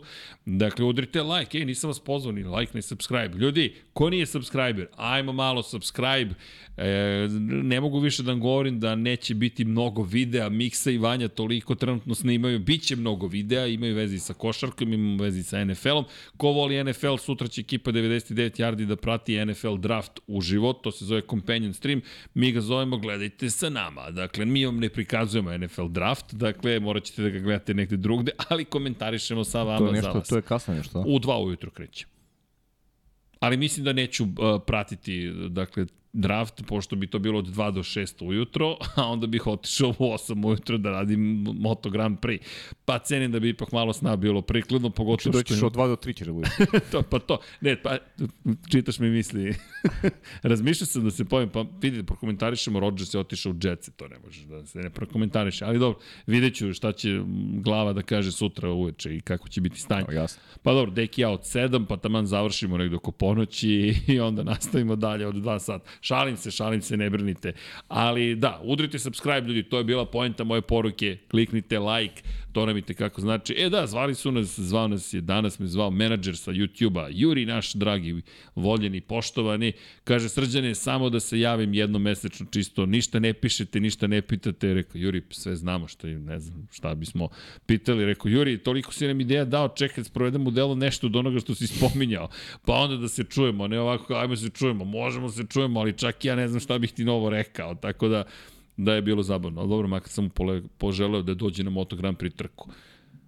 Rekao, Lepo dođi. sam poželeo. Pa rekao, to možemo ti pomognemo možda i da vidiš padok. Kaže, dobro, to kad ženi kažem da dođemo na Moto Grand Prix zbunići se. Rekao, e, Juri, mi ovde širimo bazu ljubitelja auto, motosporta svakako. Tako da znate, ko se subscribe-uje, ako kliknete zvonce, dobijat ćete informacije o svemu i svačemu. Prosto ovo je jedna ekipa koja voli i košarku, i američki futbal, i vaterpolo, i trke, Formula 1, Moto Grand Prix, volimo igrice, volimo filmove, ma ne, ne znam šta, čega nema. Kosmos samo još nismo ispred. E da, nije bio uspešan, uspešno sletanje prve privatne kompanije na mesec, ali dobro, nadam se da će uspeti, ali to je. Fusnota, Alfa Tauri, e to želim da vidim da li će da odu na mesec, to je da li će uspeti da polete malo u sezoni, jedan point za Alfa Tauri, jedan point za Williams. Williams je u nekim drugim problemima, James, James Wowles, novi šef ekipe, je rekao da zapravo u Mercedesu nije mogao da pokaže koliko zapravo potencijala ima da bude šef ekipe. Pa evo, ovo je tu savršena prilika. Jednostavno, rekao nije, stet, nije, nije ni mogao da pruži punu sliku svojih sposobnosti, tako da je to zanimljivo. I ima još jednu bitnu stvar koju je napomenuo, da bez obzira na to što je bio deo šampionske ekipe, nikad nije mogao da stekne baš utisak koliko, kakav je posao šefa tima, ili ti uvek je nekako zdrava zelenija na nekom drugom mestu kod komšije, tako da eto, sad je u koži do neke Tota Wolfa, pa može da vidi kako to sve funkcioniše. U svakom slučaju, ajde da vidimo i Williams i Alfa Tauri, bojim se da će njihova bitka biti tamo za niže pozicije i Alfa Romeo, iskreno, Pa jo, meni je zbunjujući Valtteri Bottas. Koliko je lošiji u kvalifikacijama neprekidno u odnosu na Guanju Joa. Guanju Joe je počeo da ga pobeđuje prošle godine u jednom trenutku, ali Bottas je stalno na začelju Alfa Romeo. Ako pogledamo Joe, očigledno nije samo do bolida, meni od onog čoveka koji je prolazio u Q3 na početku prošle godine do sada nekoga ko kao da kao da, ne mogu kažem da nije motivisan, ali kao da je to to. Počeo sam više da razmišljam o njemu iz, iz perspektive te 2026. da ga sve manje vidim, znaš, to, je, to mi je onako to. interesantno, više nego, nego ono se dešava trenutno. Jer... Da li ti deluje kao da će pa dobiti ne, tu šansu? Pa ne, ne, ne deluje mi, ne deluje mi ni da je previše zainteresovan da ima. Znaš, to je ono što je problem. Znaš, ne deluje mi da je, da je zainteresovan da ima, tako da ovaj, definitivno definitivno nije na nivou forme iz prošle godine, daleko da je bolid na, na istom nivou, ali prosto, prosto ti vidiš da on jednostavno, jednostavno nije, nije ovaj, nije u tom raspoloženju da, da, da, može, da može jednu trku da odveze na, na, na adekvatan način. I to je, to je ono što što nas tera da razmišljamo na ovaj način, da, da, li, da, li je, da li je Bottasu odzvonilo, da li je Bottas taj koji u toj nekoj, nekoj novoj eri koja nas očekuje 2026. neće biti prisutan vidim, I o tome, o tome, smo uh -huh. već, o tome smo već polemisali i ovaj, Baš su loše kvalifikacije baš, pre svega. Jesu, da, da, ono u čemu je on bio onako toliko A, i, i dominantan i došao čovjek, do neke nevjerojatne brojke, čak i nastavio i sa... Preko 100 trka da, da, u kojima se kvalifikovao da. u Q3 deo kvalifikacije. O, jeste u Mercedesu, ali opet ti moraš da se kvalifikuješ, ti moraš da budeš toliko pouzdan, toliko yes. konzistentan. I to si bio... Pa, nastavio si niz i u novoj ekipi Jesi. i, i bio si sjajan i uzimo i bodove i Početak. prisutan, prisutan u mnogo segmenata i dobrog trkanja, pouzdanosti i svega, to je, to je nestalo ove godine. Evo gledam prošlu godinu, u prvih devet trka u sedam je osvajao poene sa Alfa Romeo. Osvajao poene čovjek. Znaš kako, te, te, ovaj, te sta, starije vozače, ajde, možemo da ga svrstamo u grupu starijih, iskusnijih, ajde, da ne bude, da ne bude grub izraz to stariji. Ovaj, te, teško, teško je motivisati sebe ovaj, iz godine u godinu, a, a opet si negde svestan.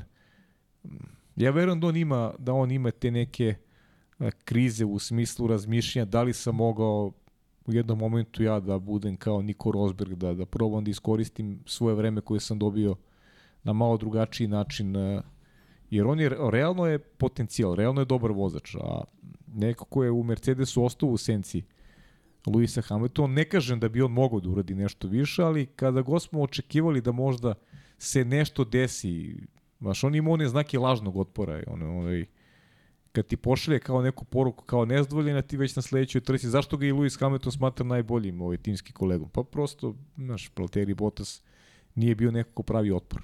Jednostavno, ovaj, da li je to stvar karaktera, u najvećoj meri jeste, verovatni ugovora koji je potpisivao, a koji nisu išli u, u prilog njegovoj nekoj, ajde da kažem, sportskoj karijeri je najveće afirmacije.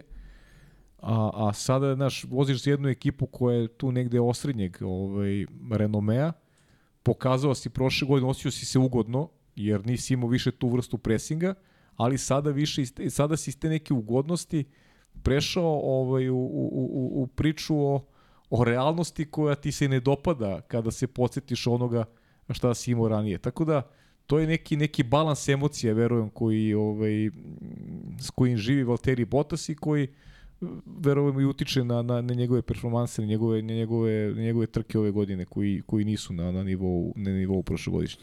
Meni je zaista fascinantna priča koja se ni ne vidi. Nema ga više u kadrovima, da, da. nigde se ne pojavljuje. To je čovjek koji je ipak višestruki pobednik, to je čovjek koji je obeležio jednu eru Mercedesa, čovjek koji je započeo sjajno prošle godine Alfa Romeo i nekako prosto osjećam potrebu da ga spomenem. Jeste, ja pokušam eto taj neki ajde ljudski, znaš, ono, da, da prosto kad si me podstakao da kao razmišljaš šta bi moglo, znaš, ovaj, šta bi moglo da utiče na, na, na, na Valterija Botasa i na, na tu neku njegovu svest o tome ovaj, gde se nalazi u ovom aktualnom trenutku, znaš. Pa evo ja gledam gde nam je i saksija koju smo dobili kao poklon, kao fikus svoje pa vremena. Pa da, ja da, sam, taj, da, da, da. To je nekako mi sad deluje taj nadimak tako čudno, ali okej, okay, bili smo u nekom drugom raspoloženju, rekao bih, ali čovjek je zaista trenutno... Znaš kako, ja, ja sam od onih koji, koji ovaj, najviše kritikuje one koje voli, znaš, ja ne, znaš... Ovaj, ravnodušan prema... Pa da, ravnodušan sam prema, on, znaš, ono, kad te neko, kad prema nekom nemaš neku, kako bih ti rekao, emociju, ne doživljavaš ga kao ovaj, nekog bliskog ili u ovom slučaju u ovom slučaju ovaj prosto čovjek je ko, od koga očekuješ nešto i onda takvi ljude znaš, kad vidim da ne daju ono što mogu, onda ovaj, meni, to negde, meni to negde smeta. Eto, to je, zato date ta reakcija ovaj, nas pa nas ovde gleda, da. komuniciramo, samo posle ćemo da organizujemo jednu brzu vožnju bakom i da se polako odjavljamo i pozdravljamo. Okay, pa, ali imamo, imamo još par stvari da uradimo. E da, apropo Bakua i apropo priče o tome ko, šta, kako, zašto spominjemo Botasa? Pa evo, Botas, kažem, imam neku potrebu, imam osjećaj, mislim da si 100% u pravu, da zapravo prisustujemo kraju karijere, da se tiho nekako odlazi, jer ono što je meni fascinantno kada slušaš Botasa, nikad raspoloženiji, opušteniji, zadovoljniji, deluje da je našao i osobu s kojom, pa makar pa, znaš kako, neki period znaš može da provede. Izgleda sada, kako izgleda Botas? Ovo izgleda kao ovi ovdje što imaju državni posao, pa ono, znaš, ne, ne, pa, tru, ne e, trude se previše, znaš, kad imam državni posao, baš im ja sam u državnoj službi, ne može mi niko ništa i, znaš, ono, u tri zatvoram vrata i, i to je to, znaš, e, tako mi deluje Botas. E, ti vuče malo ka Kimi ovoj poslednjoj sezoni, mada mislim se Kimi više trudio, ne, deluje mi pa, da Kimi nikad nije odustao. Ne, nije se ni Kimi nešto previše trudio u poslednjoj sezoni, ajde, da, da, dobro, da budem, šampion, da budem iskren, ali, ali je, znaš, drugačije, znaš, ne mogu oni da budu baš u U istom košu. U istom košu. Znaš, ne, ne, Kimi, Kimi, Kimi, ne, Kimi velik vozač, baš. Znaš, Kimi je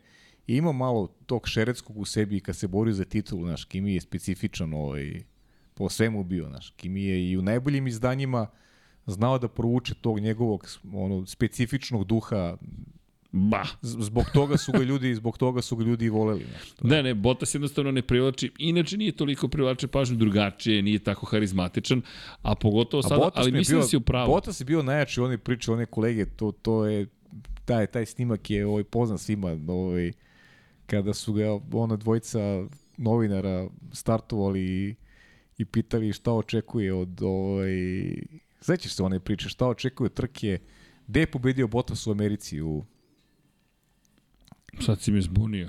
Uh, pobedio je Bottas u Americi uh, za Mercedes. U Koti? U Koti, je pobedio u Koti. Trebalo bi Pitali da su ga neki, neki kolegi, nisu ga, nisu ga prepoznali, jer kao... Aha. Dobro. I onda su ga pitali, sad ja parafraziram, više si ne šta je tačno bilo i... Da, 2019. evo, Amerika.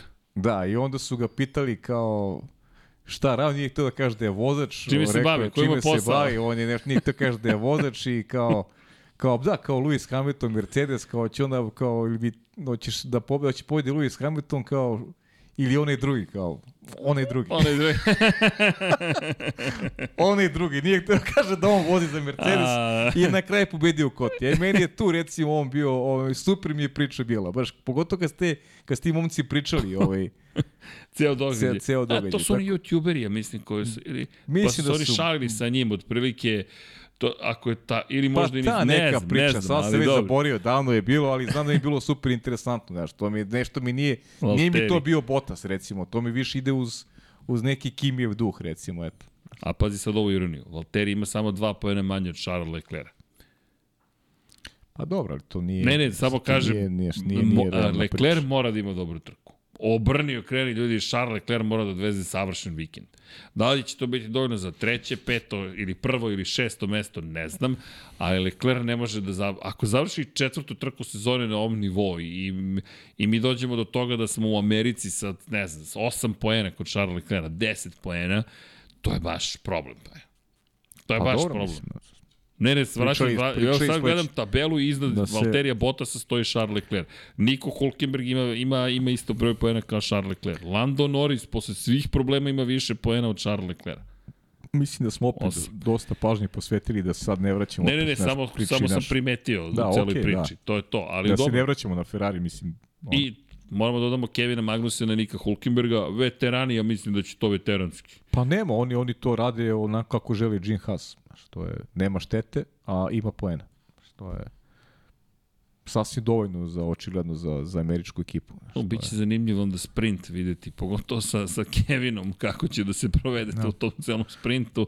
I naravno Albon i Sargent u Williamsu, ne znam ni šta da mislim, zaista. Williams je lepo napredovao ove sezone, bez obzira na manjak ili očigledni, na, na prvi pogled manjak sponsora, deluje mi, deluje mi kao vrlo Pa pristojan da, tim. ali, ovaj, nema, nema tempa, nema očigledno, nema tu prostora da Znaš, treba, treba izgurati trku. Možda je, možda je za njih šansa za neke poene upravo ovaj sprint, znaš. Možda ovaj, ovaj, ovaj model možda im nešto pomogne. Pa da kažu, ajmo na rizik. Pa da, da, da oni tu ovaj, u stvari, da to bude njihova glavna trka ovaj, ovog vikenda. Da, da li Dok bi- drugi budu čuvali bolide za nedelju, da oni tu ovaj, pokušaju da, da učare neke, znaš, neke Baš poene. je rizik ti, ali sa, ako si Alpina, ti želiš svaki poen, a opet, ako ponovo Pa Srki, bolid, ma, mislim, znaš, pa rekli smo, ima i, ima i za i protiv. Skupo, znaš, ono, pokušali skupo. smo da budemo da budemo realni, ako da ne gledamo samo a iz se svog- muči, izvini, sa budžetom. Inače se Williams muči sa budžetom. Manjak para, pa manjak para. Znaš kako, da bi, da bi budžet bio veći, ti moraš da ponudiš tržištu nešto. Znaš, ne može samo Williams i pa će neko da te, da te neko finansira. Ti moraš da imaš nešto, a oni već godinama unazad šta imaju, oni imaju vozače koji plaćaju ovaj, Koji je ovde sponsor? Pa da, mislim, to je... Znaš, njima, njima čak u tom sponzorskom delu nije mnogo pomoglo ni George Russell kad je vozio. Tako, da ne znam šta da uradi više, znaš, to je... Kažem, to je de- 2026. je, da je kritično Bukvalno više za opstanak Williamsa. Pa Bukvalno, u znaš, ovakvom obliku da. I pritom nisu našli strateškog partnera. Pa ne, e, upravo to. Nisu to, našli to je, strateškog to je partnera. problem. U, ključnu stvar nismo zaboravili, smo zaboravili. Aston Martin Honda. Da. Čekajte, to smo zaboravili i priča o tome da bi Aston Martin mogao da postane fabrički tim Pa Honda. dobro, ali, znaš, priča o tome. A, šta ti misliš o tome? Aston Martin koji je u vlasništvu delimično Mercedesa, pa i Tota Wolfa, šefa Mercedesa, pa i Sebastiana Fetela, dobro, Sebastian Vettel sad u nekom drugom filmu, ali kako ti zvuči taj, taj, taj koncept? Ajmo ovako, čisto idealistički, sportsko, takmičarski, Aston Martin Honda.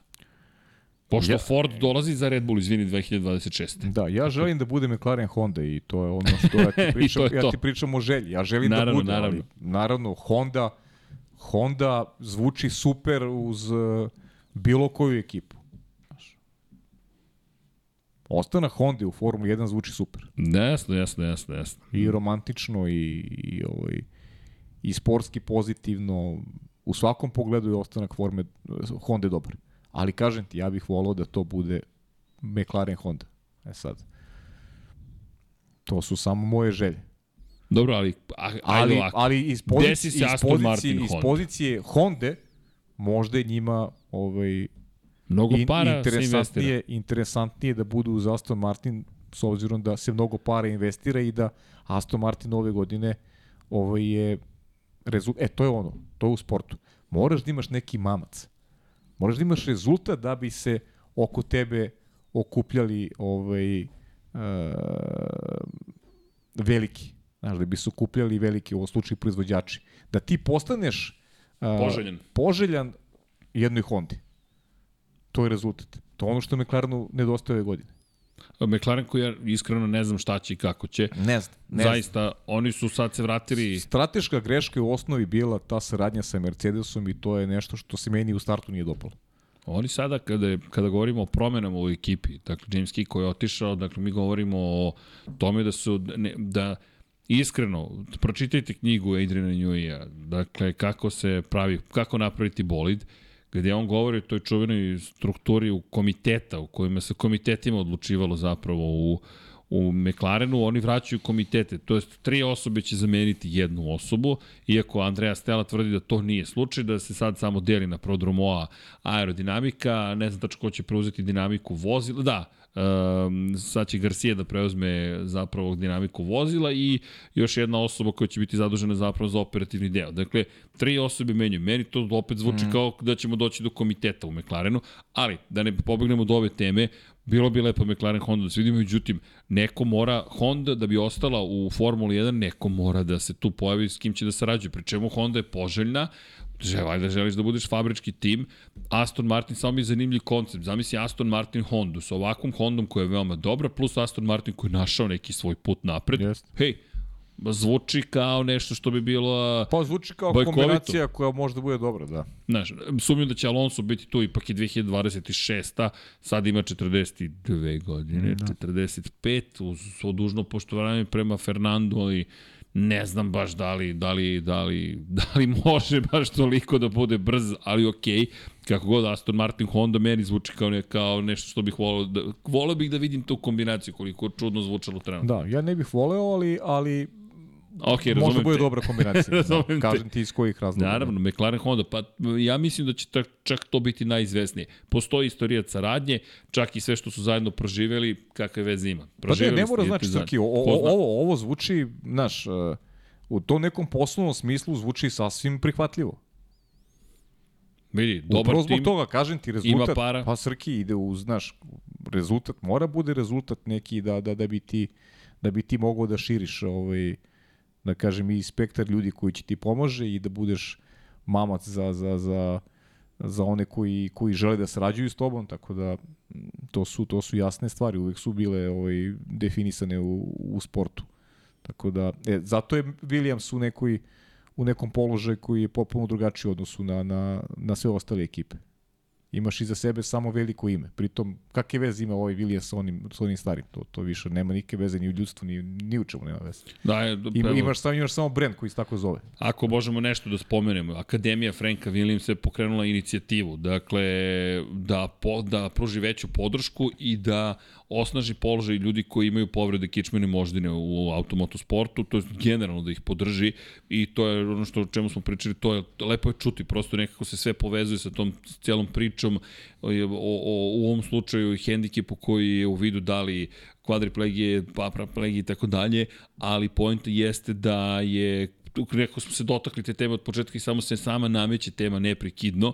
Dakle, samo da napomenemo da će prosto raditi na tome da pokrenu tu inicijativu, pa eto, lepe, lepe stvari se dešavaju kada je reč o, o zaveštanju makar Franka da. Williamsa. Ali slažem se s tobom, kada pričamo o toj ekipi, osim imena tu više ništa nije ostalo. Što ne znači da je to malo, ime mnogo može da vredi, ali neko mora i da veruje u to ime. Neko mora da dođe sa vizijom i da kaže ja ovo volim, ja ovo poštujem, ja želim da budem neko ko će, kao što je, izvini, kao što je Ron Dennis, došao, kupio McLaren i ga pozvao, nazvao Dennis Grand Prix. Nego je McLaren Grand Prix pretvorio u još nešto veće. E to mislim da treba Williamsu. Toga nema. Nema tog nekog industrijalca, e, kapitalne osobe koja dođe i kaže ja hoću da ovo zaveštanje Franka Williamsa sada bude najuspešnija stvar koja se desila u Formuli 1. Živa istina, sve si rekao.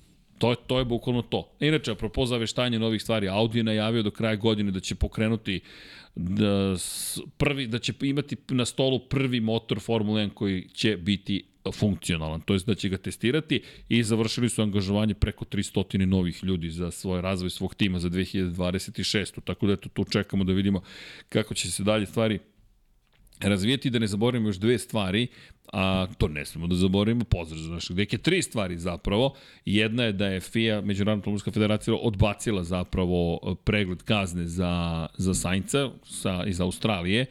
E, prosto odbila peticiju Ferrarija da se pregleda kazna e, koja mu je izrečena prosto su smatrali prosto u FI da uložili su žalbu, tražili su pravo da se pregleda ta kazna ponovo, s obzirom činjenicu da je dobio kaznu od 5 sekundi koja, koja je pomerila na 12. poziciju i jednostavno FI je rekla da tim nije doneo dovoljne adekvatne nove dokaze da bi se nešto promenila pozicija. Sainz je s druge strane rekao da su imali nove dokaze, ali to je sada ko je šta rekao, rekla, kazala. Na kraju dana stvari ostaju onako kakve su bile, tako što i očekivano. Mislim da je Ferrari više hteo da jasno stavi do znanja, da će učiniti sve što je u njegovoj moći da se stvari unaprede. Ono što je rezultat neki jeste da je Ferrari rekao da će raditi sa filmom u budućnosti da se neke stvari bolje rade u Formuli 1. Ok, nadam se da ćemo nešto dobiti iz toga. Ništa, znači ovaj, šuplja priča. Pa, da, lepo si to rekao. Dakle, inače su koristili... Kakva, kakva politička govorancija je sad ovaj? Pa da. Dakle... Naježio sam se od ovoga, što sam slušao sad. Hvala Pajo, da, da, ali dobro, moram da prenesem informacije kako su ih, kako su ih saopštili. E, I šta sam još hteo da, da, da kažem, par stvari, staza, staza, Brembo, da vam pokažemo najsnažniju tačku kočenja. Mene je frapirala, moram sam, ali Brembo tako kaže, koji snabdeva timove kočnicama, koje biste očekivali da je najsnažnija tačka kočenja u Baku? Ja bih rekao krivina broj 1 i sad moguće sam prosto zaboravio kako to izgledalo prošle godine, ali činjenica je da kažu da nije zapravo krivina broj 1, ulazak u krivinu broj 1 i vidjet ćete sami malo drugače. Može, može, udrite. Dakle, najsnažnija tačka kočenja na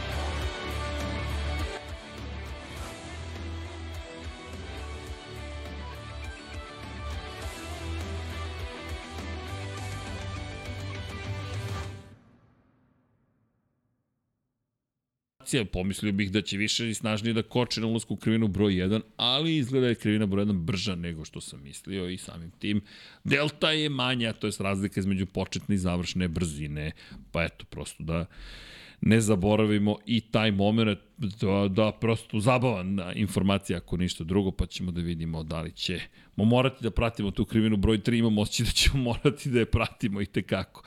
I tako, ima tu još nekih vesti tokom, ovih, tokom ove dve nedelje.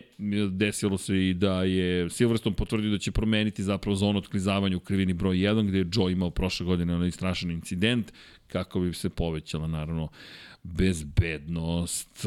A apropo Aston Martina, Lorenz Stroll je rekao da njemu pobednička postavlja nisu dovoljna. Da ono što on želi jeste pobede. Tako da, apropo tvoje Eto, priče... Tako smo počeli ovaj podcast, pa... Pa možemo lagano i da ga da. završavamo. Ali, ono što bih volio da uradimo jeste da iskoristimo priliku da, pazi, ovo je bez vežbe, odvezem brzinski jedan krug Ajde, naravno, u Baku. Na, naravno. Moram samo da pomognem tamo, pa evo, preuzmi, ako ima nekih pitanja, uh, udri, a ja ću samo da namestim da možete da vidite taj spektakularni krug koji stiže iz Azerbejdžana.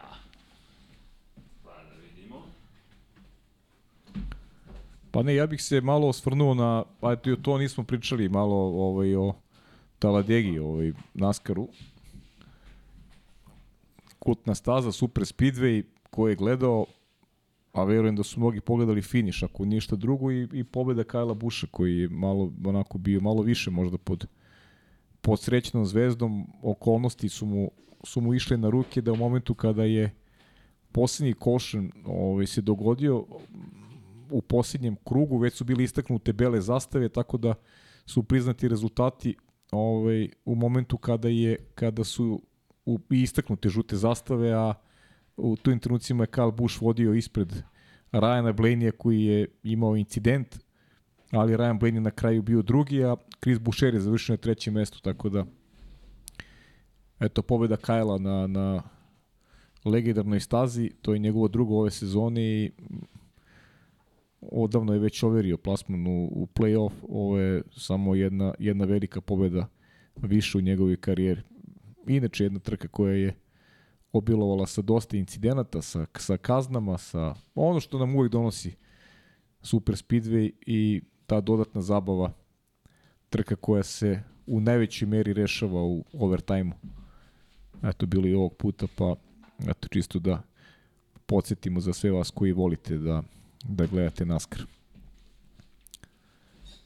A Srki se polako sprema da nas uvede u taj čarobni krug Bakua.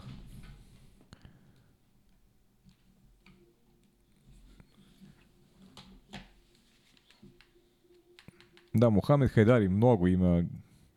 Hvala Mohamede na, na ovaj, lepim porukama, na nekim podsjetnicima.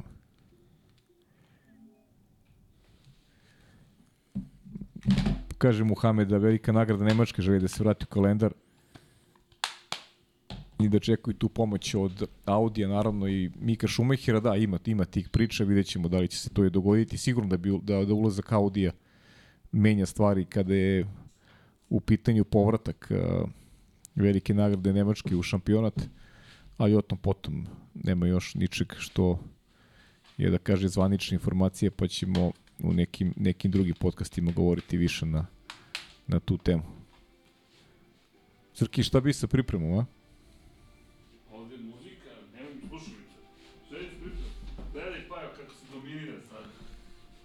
Dominira se, ali nismo dali prognozu za Baku. O, prognoza. Ajmo. Šta prognoziramo? Znači, veliko dušno meni daješ prednost da ja ovaj prognoziram prvi, ja? Hoćeš ja da prognoziram? Neka, ajde, ja ću, ajde, nema veze. Nemoj samo Max Verstappen. Ne, ne, ne, ne, neću. Ne. Zna, znaš da ne igram na sigurno.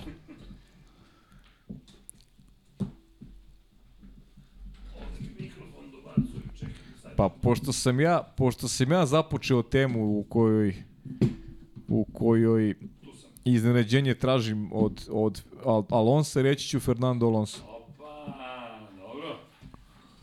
Stojiš iza svojih reči, to je lepo Da, čuti. da. A, čekaj. A, uh. Eto, neka bude ovako moja prognoza. Podijum.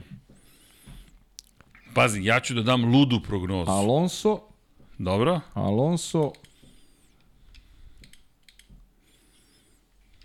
Russell Leclerc. Alonso, Russell, Leclerc. Opa, nema Red Bulla na pobedničkom postolju. Nema. O, pa je zanimljivo, dobro, pa je agresivno. Znaš kako? Ja, ja ću ludu prognozu da dam prošli put Pa kad evo, sam ludo luda, gde ćeš izgovorio. luđe ovo? Čekaj, hold my beer, što kažu. Pobeđuje, zahvaljujući sjajnoj strategiji Ferrarija i korišćenju prilika Charles Leclerc. Dobro. Kako ti to zvuči? Pa dobro, zvuči podjednako ludo, pa i ovo moje. to je to, to je to, to je to, je to. Dakle, da vidimo, ovde nema nikakvih asistencija. Neko mi se žalio prošli put da sam koristio, čekaj, kokpit, ali čudan mi je ovaj pogled iz kokpita. Kao da mi je... Dobro, kokpit, kao da je manje još preglednost nego inače. Dobro, kako god. Ajde. Prošli put se neko žalio, kaže, nije ti pogled iz kokpita. Pa, čekajte. E, ček da vidimo ovde. Ajde vidimo.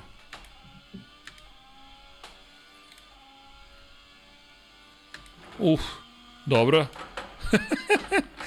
Okej. Da, voliš zidove. Ko Volim, volim, definitivno. Čudan mi je ovo pogled, moram priznati. Nemam predstavu da mi je bolid, ali dobro. Snaći ćemo se. Pa miran si na pravcu. To su sve, to su sve izgovori izgovori. Ok, nisam ni video tačku kočenja, dobro. A, mislim da ćemo da uradimo ovo. E, da, nemam, nemam pojma kako sam izveo ovaj pogled, ali sam ga izveo.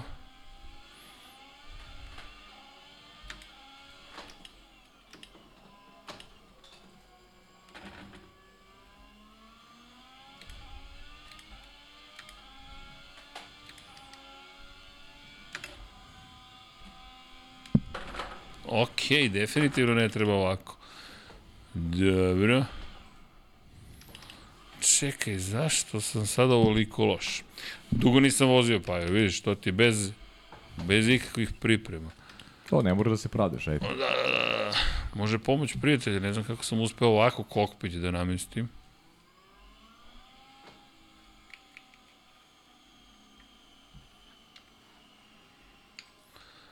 Čekaj, kamera settings, um, kamera customization, a pa to neko mi je ovde se igrao. Ma ne treba mi ono. Ajmo, a ne, čekaj, kamera kokpit.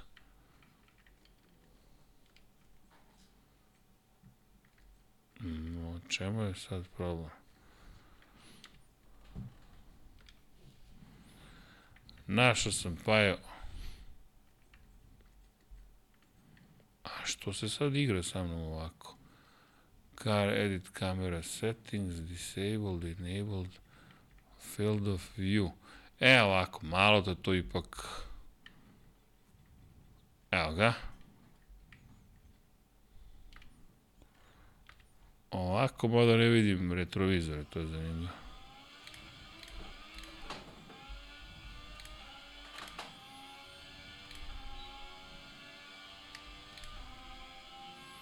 Dobro, ovo je malo bolje. Dobro, bar sam otkrio. Dobro, ovde je treća brzina.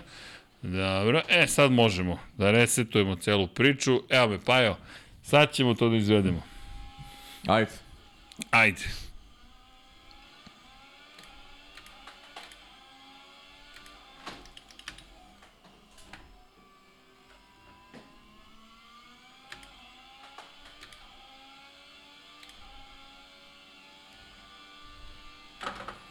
Dobro, nisam izveo.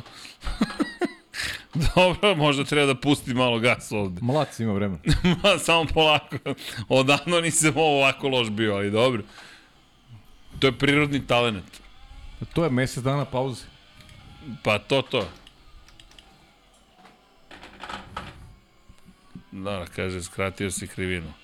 A nisam mnogo skratio.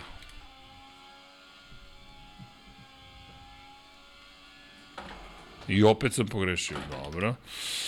Prirodan talent, kažem ti. Ali da se ne vraćamo ponovo na isto. Moli Boga da ću ovaj pravac da pogodim.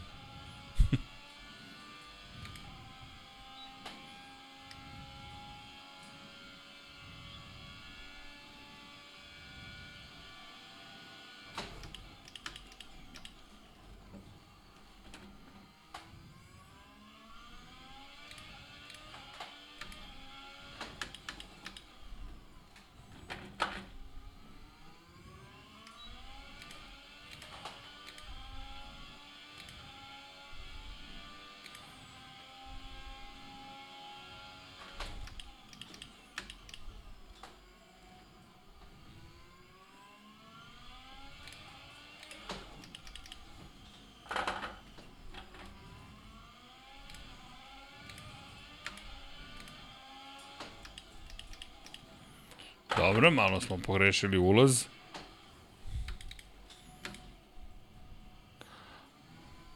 pa evo, nešto, ne, nisam ti baš dobar ovog puta. Vidim, vidiš da sam utihnuo. Vidim da si mi se deprimirao. Dobro, ovo je baš loše. Dobro, probašli sam gde sam na stazi zapravo. E, sad imamo Leclerova krivina.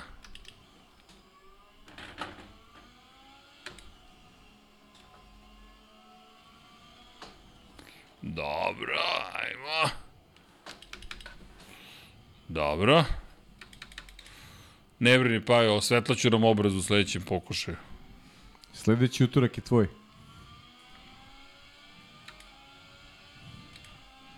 Da voziš Miami. Ma, gledaj sad, pa je. Dobro. Izgleda si stvarno rešio da ostanem ovde do, do, do podcasta. Ne, ne, ne, sad je sve u redu. Sad je moja staza.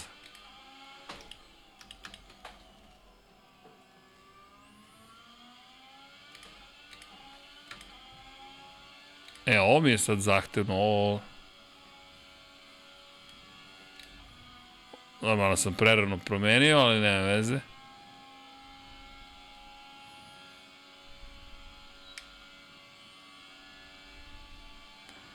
Kažeš ti, sad je to moje, ništa ti ne brini. Štete što staza nije skroz ravno.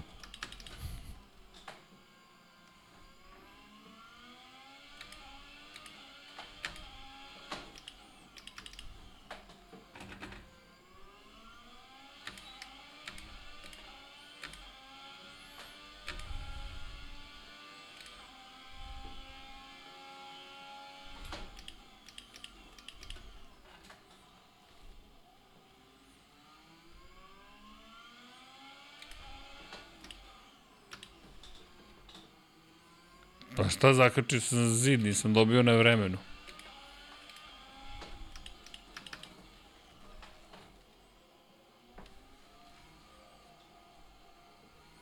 Jesi video, a? Bravo, bravo. Poboljšavam se, čekaj, pa ovo je ovako uči i vozači. Pa do ujutru ćeš da budeš super. Samo se ti smej, ali... Ko se smeje, ozbiljan sam.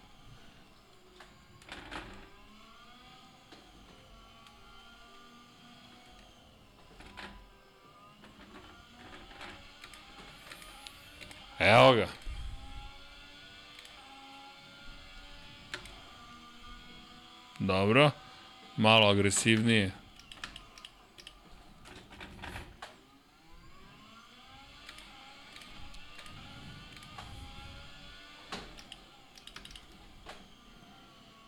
Pozdravlja te Deki Andrić. Hvala mu. Kaže da voziš za Haas. Ginter bi odmah zvao Mika i rekao da mu je sve oprošteno. Dobro, dobro. Pazi, ovo je prva vožnja na ovoj stazi.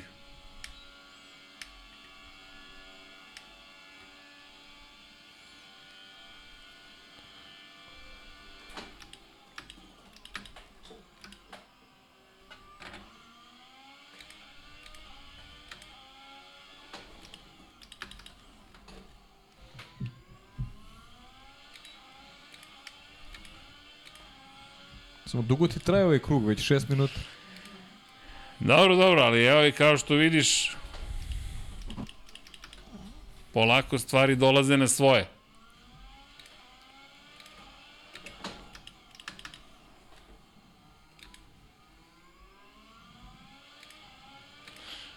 Dobro, nije baš...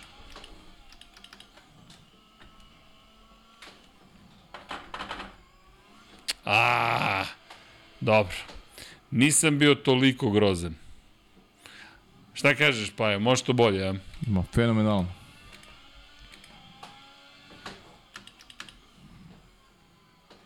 Dobro, ovde drugi stepen prenosa. Pazi, nemam asistencije, nema ništa, znači...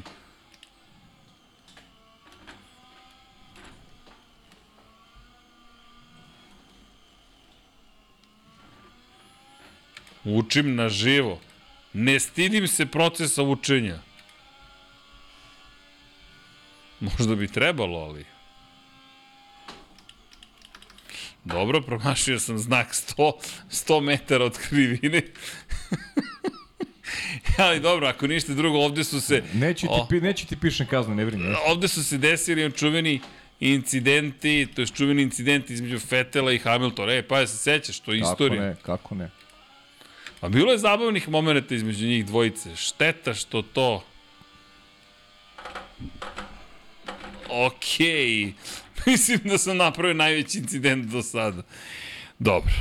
A, pa evo, ako mi daš još jednu šansu, završavamo večerašnje druženje upravo ovim kadrovima. Evo, ljudi, za sve strpljive.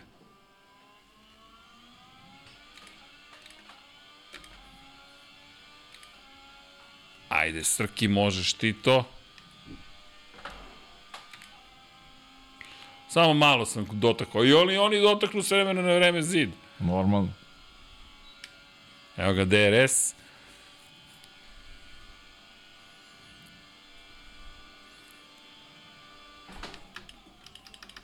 Ok, izgledao sam Hamiltona.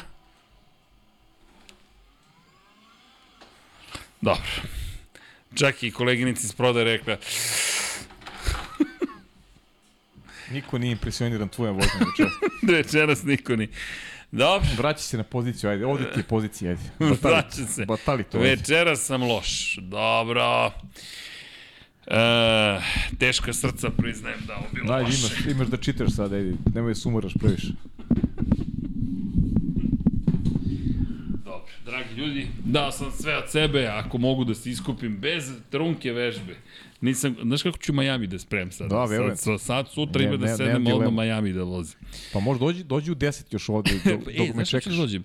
E, Bakio i Brakio da pravim društvo. Tako Dok je. oni rade emisiju, ja u da pozadini voziš. vozim. Tako A, da. je. Jedino da nađem slušalice, nestale su slušalice iz TV-a. Ali dobro, nadam se da će da će to da, da se ipak nekako, da se, da se to vrati na svoje. A, u svakom slučaju, dragi ljudi, nadam se, e, čekaj, jel imamo neka pitanja, nešto si pratio ovde? A, da vidimo, Mark Weber ti je pozavideo na ovom poletanju. da ima podešavanja. Adelija, a podešavanja? Podešavanja su, pa možete da vidite, podeš, a ne, ne možete više da vidite podešavanja. Podešavanja su, nemam nijednu pomoć, sve je, ta, sve je zapravo napravljeno da, da nema nikakve po, po, po, pozit, da nema nikakve pomoći, eto. I kaže, ide mi krv na oči dok ovo gledam. Zanimljivo. E, daj promeni kameru, promeni kameru. Nema više promene kamere. Žalili ste se da je nije iz, iz kokpita i od sada se samo tu vozi. Postoji kočnica i tako dalje. A, da, da, Boško Desančić, no, smeta sve kao futbolerima. Pa ja sam pravi trkač, naravno da mi smeta, jeste normalni. Svi su krivi osim mene. Ali eto, u svakom slučaju, dakle, moja prognoza Charles Leclerc, zahvaljujući strategiji Ferrarija, pobeđuje. Dobro, okej. Ovde mi se smeju, dakle... Ne smijem ti, ja ti se ne smijem. Ti mi se pa ne ja sam, ja sam, ovde se neki ja sam, smeju. ja sam igrao na Alonso, šta? E, Da. I ima još jedna stvar, e, Master ima, pit, da, i ko će biti drugi treći? Ja sam rekao, kažem ti, evo, Russell i Leclerc. Al, ne, Leclerc, ne, Russell, Alonso. Znači, pa to, znači, imamo isti podijum. Te, Dobro, e, bravo, reci, bravo. samo su zamenili smo pozicije. Dobro. Kako? To za nedelju, za Za nedelju. nedelju, ma da, A za nedelju. sprint, Ma ko će prognozira to, ma sprint? ja, sprint. za sprint? Ne, Perez pobeđuje sprint. Ja Neću- dajem pobednika neću da sprint. se igram za sprint Dajem pobednika. Master. Rima pita, kaže, Strki, da li je tačno da će svi morati da nose one transformatorske kacige, transformatorske katastrofe, odnosno napravili lepo niz FN? Ne, neće, to je, koliko ja znam, samo umetnički rad. Neće menjati kate, ka, kacige. A, da vas obavestim, odlučio sam napraviti svoje prednje krilo od kartona ako bude lepo i dobro napravljeno, voljan sam, voljan sam to pokloniti. Marku Zub, hvala. Hvala ti, hvala, divno. Hvala. A, inače, Jopa ZG kaže najbolja trka do sada u Naskaru. Da. A, Da, do, da, dobra je bila. Mislim, iskreno, ljudi, gledao sam završnicu, nisam ovaj, previše, ali završnicu sam pogledao. E, inače, pa Nikola Niksi kaže, pozdrav svima, imam dve zanimljivosti. Prva, sebi je 2012. godine osvojio titulu, ne pobedivši na evropskom tlu, što ga čini jedinim čovekom koji je na taj način osvojio titulu. Moram priznati da Nikola Niksi to nema predstavu. Da, Sjaj, sjajan podatak, Sjajan ali isto ne, ne bi... Ne, ne, nije mi palo ni na pamet, iskreno. Čekajte da proverimo samo, nije da ne verujemo, Pa ne, nego samo verujemo, da vidimo. da. Fetel, pobjeda Bahrein, pobjeda Singapur, Japan, Koreja, Indija. Sjajno Nikola. Da. dakle, eto, zanimljivo. Pobedio čovjek u Bahreinu, pobedio Singapuru, Japanu, Koreji i Indiji. Hvala Nikola, to je sjajna informacija. Druga Verovatno. informacija, iako zbirno imaju 400 pobedničkih postolja između sebe, Lewis Hamilton, Sebastian Vettel i Fernando Alonso, samo su tri puta zajedno bili na pobedničkom postolju. Sva Super, i to je super informacija. Super informacija, hvala. Ne, nemoj da se ljutiš, nećemo ovo preveravati jer bi trajalo do jutro. A, da, inače Ivan Vojsinović kaže Kyle nije bio pod srećnom zvezdom, on je bio srećna zvezda jer ga nije bilo celu trku Pa nigde. da, da, jeste, jeste, jeste. Činjenica, da. Dobar, Znam da, dobar. da, da je poveo tek tada u... Neverovatno, stvarno, kako se završila trka, da. Mm, Da. E, dobro, evo vi prognozirajte ko će da, da, da pobedi. Da, dakle, kaže Muki Alex, zahvaljujući smešno, ha, ha, ha, zahvaljujući strategiji Ferrari, to je bilo isto da Majot šip, šipao pobedi Bobby Fischer u šahu. Ej, ljudi, čujte, kako bih vam rekao, to je luda prognoza, hteli ste ludu prognozu, luđe od toga ne ide. dakle, da strategiju da se... Ne, mislim, najlakše igrati na sigurno. Ako malo damo.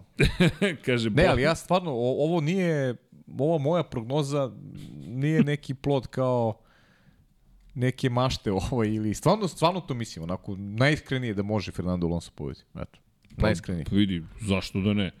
On, mislim, ali zaista zašto Pričali da ne? smo o tome, stvarno mislim da može. A, Da pričamo o Maxu Verstappenu možemo samo u superlativima i njemu i Red Bull. A to što ali... nisam stavio Maxa, to, to sam svesno, eto, Pa. da bude malo zabavnije. A ovo verujem, iskreno verujem da, da Alonso može pobediti. Kako?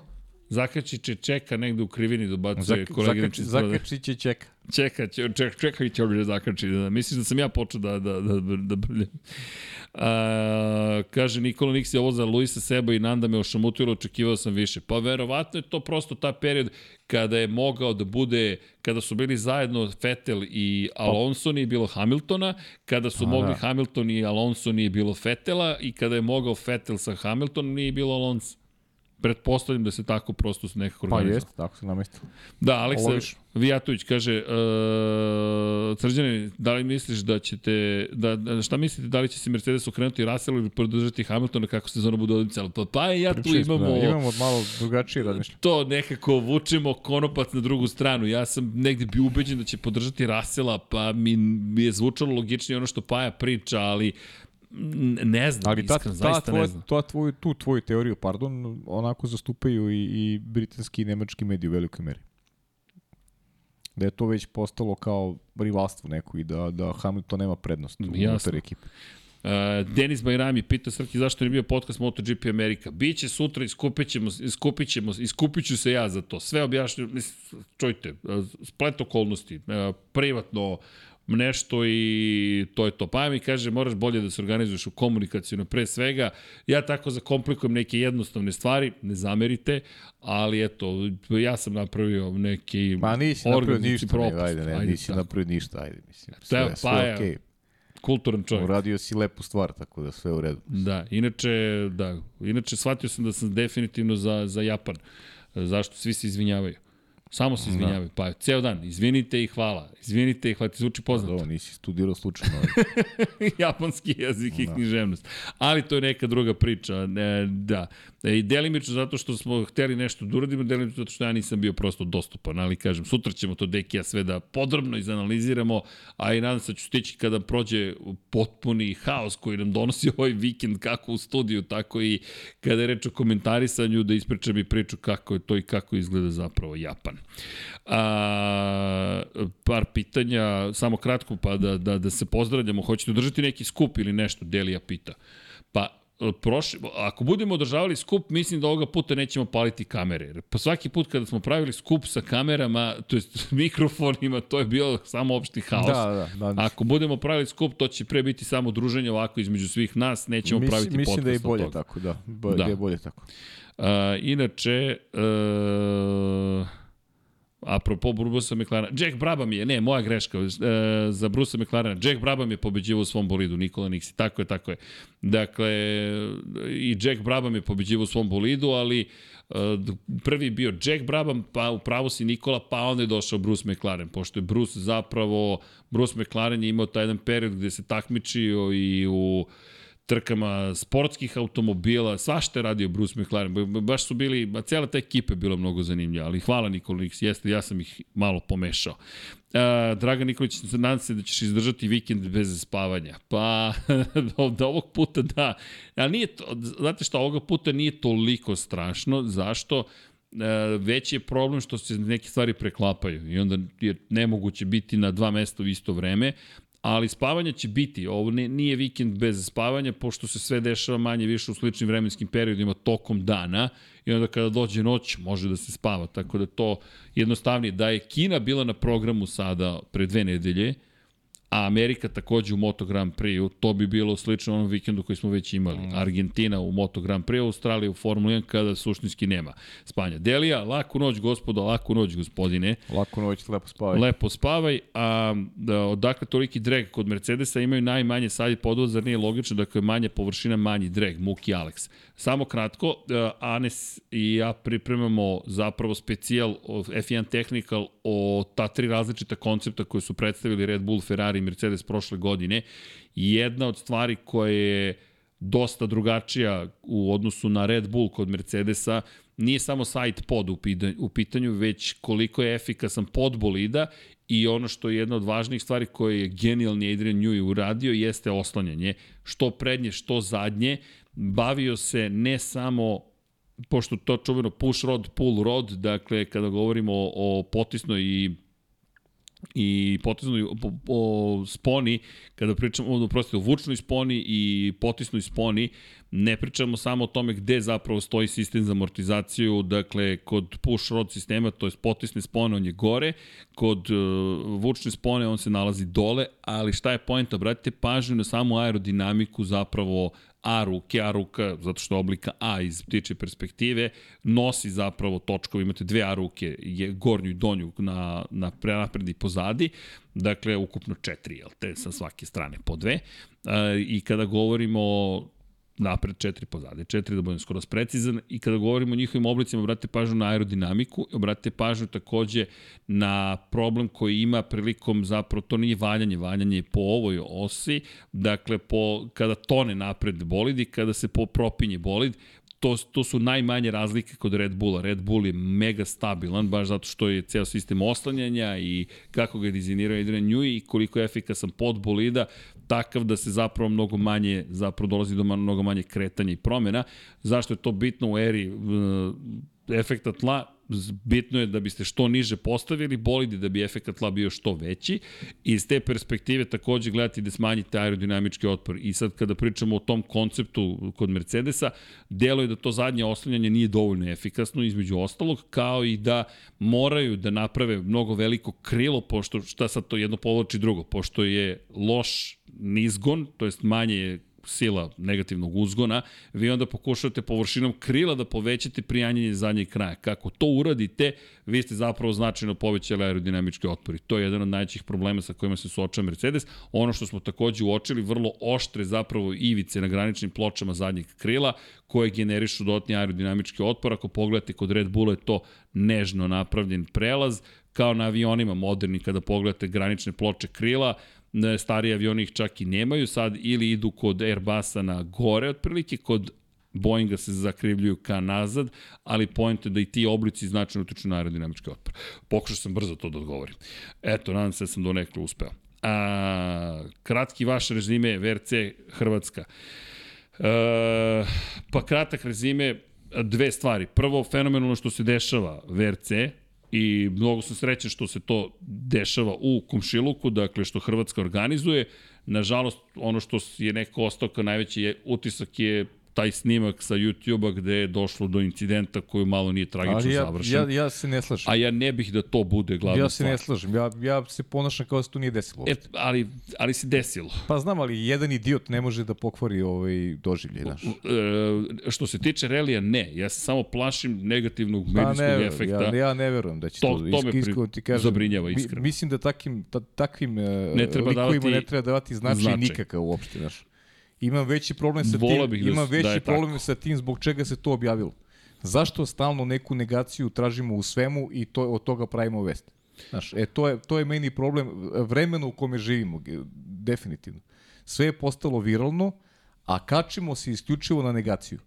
I svi pričamo o negaciji. Meni se to, ja, ja o tome ne bi ni pričao uopšte. Pa, Neka živi čovek u svom idiotskom svetu, zašto da mu dajemo, zašto mu dajemo na značaj? Postoji, to postoji to. samo jedan problem tu, a to jeste zapravo što, naravno, nije samo to ono čuveno, da je problem što se desilo ili što se zna da se to desilo. Ono što je, je najveća stvar jeste zapravo pitanje za kako je moguće da je, da je automobil ostao na stazi, ali to je pitanje za organizatore. Ti znaš kako je pristup, ja obožavam to što se tu dešava, ja želim da taj reli ostane u Hrvatskoj, ali organizatori takođe sad imaju tu zadatak da ako neko se tuče na stazi, ti moraš da zaustaviš brzinac. Sve okej. Okay. Moraš to je moglo da bude tragično i to je to je priča, To je problem, ali, ali, tako je. ali je cela ta cela ta priča može da se reši na drugačiji način. Znaš. Može, činjenica, i, i dobija, ali- dobija, dobija veću dimenziju nego što nego Ali što treba da desilo. I sada svi pričamo o tome, znaš, e, E, to je ali problem. to, to je ono što, ali vidi, uh, znaš kako, znaš, Dođe kreten i napravi od, od, nečega što je Ej, spektakl napravi haos. Znaš, jedna- napravi, znaš, Znaš kako ide? Jedna trula jabuka. Ali to je ono što organizatori sad moraju da iskoriste. Da kažu, ok, ovo sad znamo šta se desilo, to se neće ponoviti. I to je to. Jer neko ponovo može tako da izađe. Ono što mora da se desi, moraš da zaustaviš brzinac. Kraj priče. I drugo, policija ne može da se raspravlja sa tim čovekom. To, to je kraj priče. Zaustavljaš brzinac, njega hapsiš i to je to. Kraj. Jer, nažalost, može da napravi problem. Kao što su istrčali na stazu na velikoj nagradi Velike Britanije prošle godine i sad, sreća u nesreći, Gvanju Joe je doživao incident i već je bila crvena zastava istaknuta, oni su izleteli na stazu. E, I to se desilo. To ne znači da je Reli Hrvatski mogao nešto više da učini. Prosto, Velika Britanija ne može da spreči ljudi da istrče na stazu. To se desilo. Kao što je nečuveni uh, predstavnik, ne znam, irskog kog, da li kulta ili čega istrčao na stazu iz tu Silverstone i zaustavio trku Formula 1.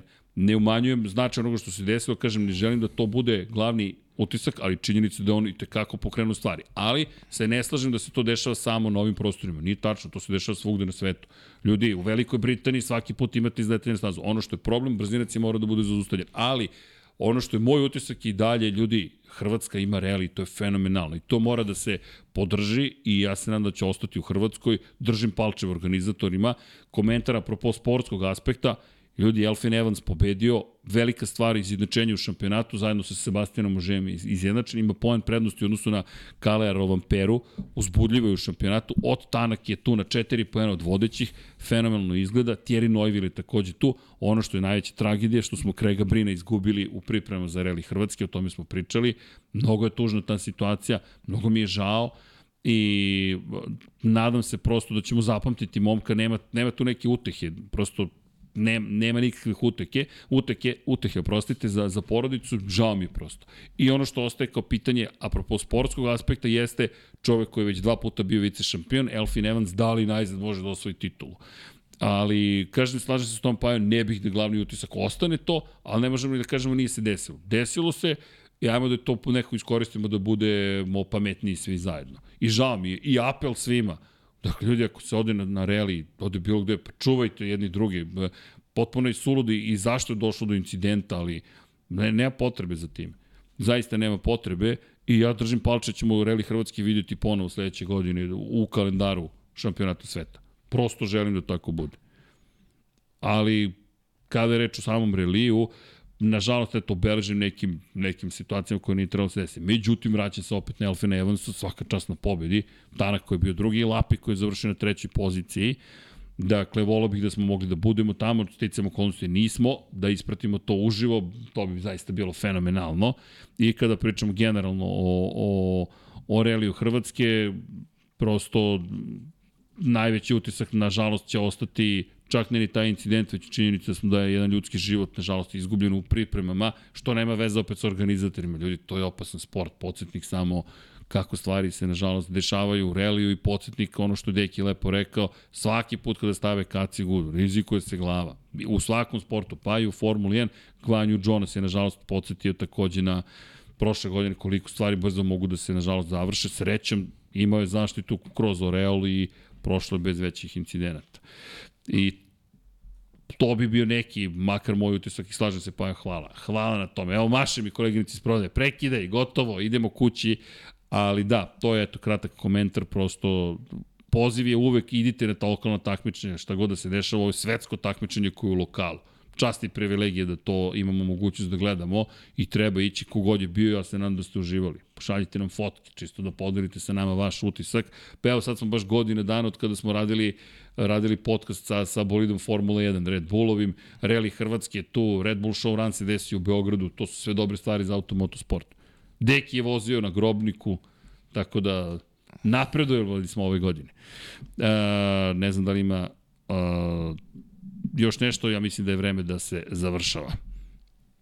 Ljudi, jedan sat ujutro je, idemo da spavamo 1.04. Dosta. Bilo je dosta, pa će mi zaspati, a mi moramo sutra da radimo pod kapicom, tako da budite Budite spremni za neke nove videe, što sutra, što preko sutra. Ne zaboravite, 19 časova se družimo Deki i ja kada reč o Moto Grand Prix. U petak kreće Formula 1, kreće Moto Grand Prix, bit će uzbudljiv vikend. Sledeće nedelje smo u utorak od, pa smo 21 ili još ne znamo tačno vreme. Pa ne znam, ajde dogovorit ćemo se, Dobro, pričat ali ćemo. najverovatnije utorak. Da, ne znam. Dobro, vidjet ćemo.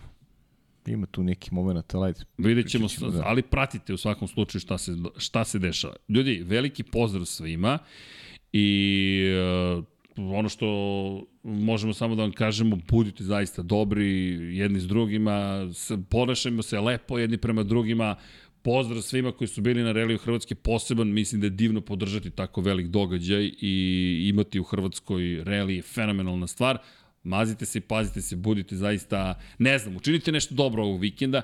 Ako mogu ja da vas pozovem nešto, za Anicu pokušavamo da pomognemo Anici da se skupi novac, ko živi u Republici Srbiji na 30-30, ukoliko može neka pošalje poruku 1454.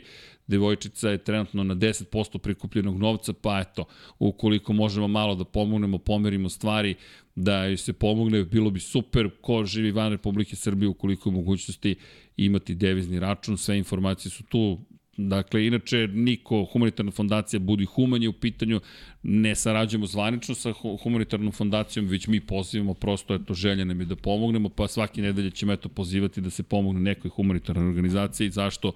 Pa prosto kad smo već tu da se držimo zajedno i to je To je manje više to. A naravno vama hvala za svu podršku.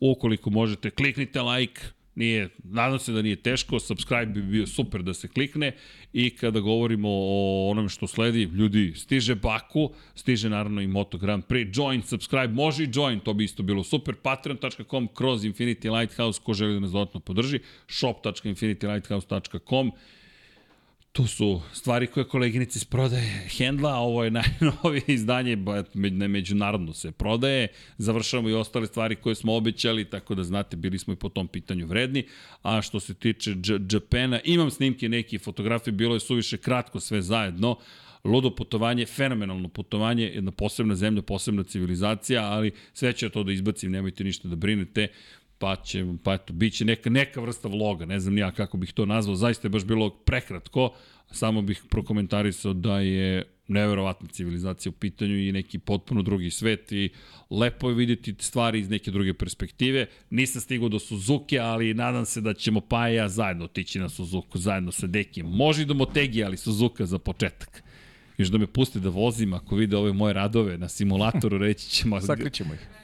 Zagarantovano. Vidjet ćete kad dođe Suzuka kako se vozi Suzuka. Ljudi, hvala vam, želimo vam laku noć, budite dobri, mazite se, pazite se, vozite računa jednim drugima i naravno da se zahvalimo posebno svima koji su članovi na YouTube-u i Patreonima Kao što ste već navikli za kraj, 8 minuta pozdrava, Mirena Kovačević, Nedim Drljević, Nemanja Jeremić, Damjan Veljanoski, Vladidov Dave, Grgo Živaljić, Đole Kube 4, Marko Bogavac, Vanja Radulović, Đorđe Milanović, Ivan Milatović, Šmele, Milan Kića, Jugoslav Ilić, Veselin Vukićević, Daniel Kolobarić, Josip Kovačić, Đorđe Đukić, Luka Klaso, Marin Antunović, Crnogorski Džedaj, Dušan Petrović, Jelena Mak, Emir Mešić, Petar Nujić, Anonimus Donatorus, Aleksandar Mitrović, Mlađan Antić, Miloš Vuletić, Nebojša Živanović, Blufonac, Stefan, Stefan Zekanović,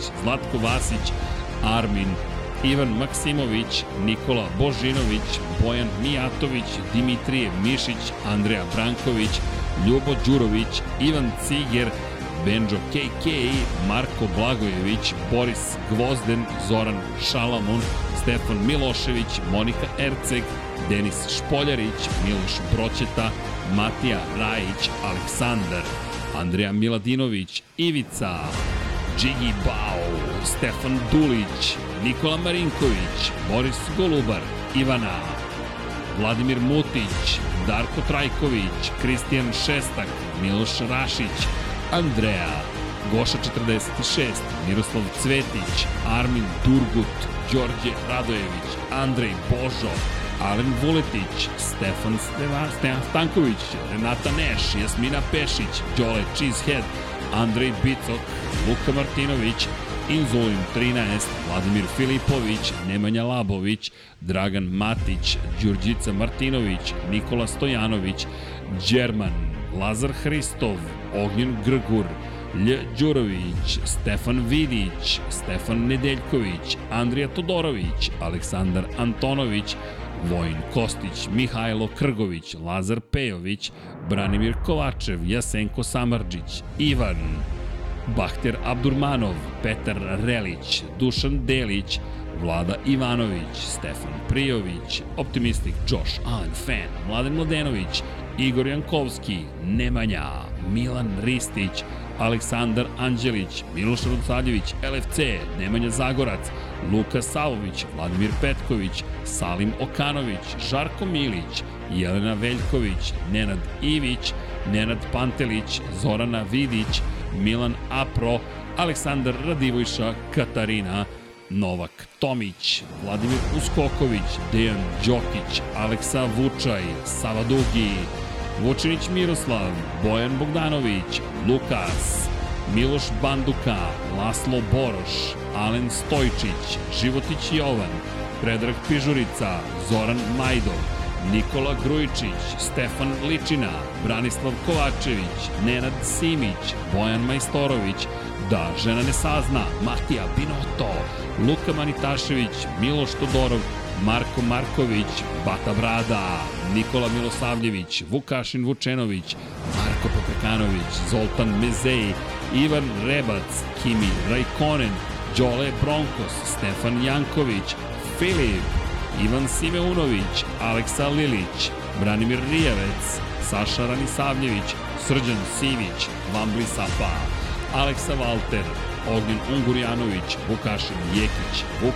Korać, Zoran Cimeša, Nedim, Ivan Maja Stanković, Daniela Ilić, Ferenc Laslofi, Danka, Boris Kujundžić, Aleksandar Bobić, Marko Mostarac, Stefan Vuletić, Antonio Novak, Borko Božunović, Ivan Rečević, Jugoslav Krasnić, Aleksandar Banovac, Ivan Panajotović, Vladan Miladinović, Ante Primorac, Igor Gašparević, Milan Nešković, Đorđe Andrić, Marko Horg, Kovačević Omer, Igor Vučković, Dejan Avić, Dušan Ristić, Gloria Edson, Branislav Milošević, Ružica Stefanović, Bogdan Uzelac, Živojin Petković, Borislav Jovanović, Stefan Lešnjak, Neđo Mališić, Matej Sopta, Sead Šantić, Marko Kostić, Marko Ćurčić, Marina Mihajlović, Toni Ruščić, Tijana Vidanović, Dragan Nikolovski,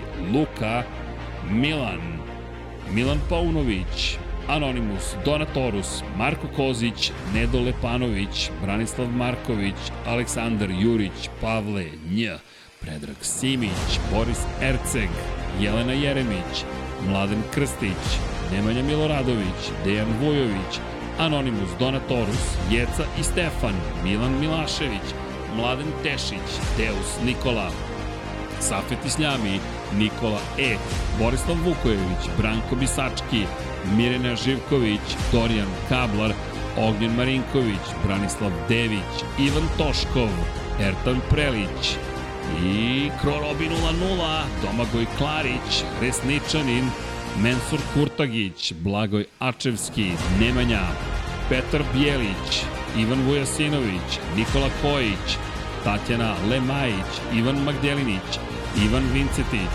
Zlatko Marić, Ljena Milutinović, Kosta Berić, Maksi, Bojan Stanković, Goran Rođenović, Marko Stojilković, korespondent, korespondent, Alen Jesenović, Ivan Božanić, Milorad Reljić, Nikola Grđan, Nemanja Bračko, Uroš Ćosić, Branislav Dević, Saša Stevanović, Vladimir Vujičić, Drago Veković, Nemanja Cimbaljević, Toni Soni 76, Bojan Markov, Nikola Vulović, Marina, Nemanja Miloradović, Pavle Lukić, Miloš Zed, LFC, Vlada Ivanović, Josip Buljovčić, Ejhil, Jelena Jeremić, Pavle Mandić, Domagoj Kovač, Toleador, Vukašin Vučenović, Dinstero, Uroš Čuturilo, Đera 7, Oliver Nikolić, Almir Vuk, Milanka Marunić, Marakos, Milan Knežević, Vuk,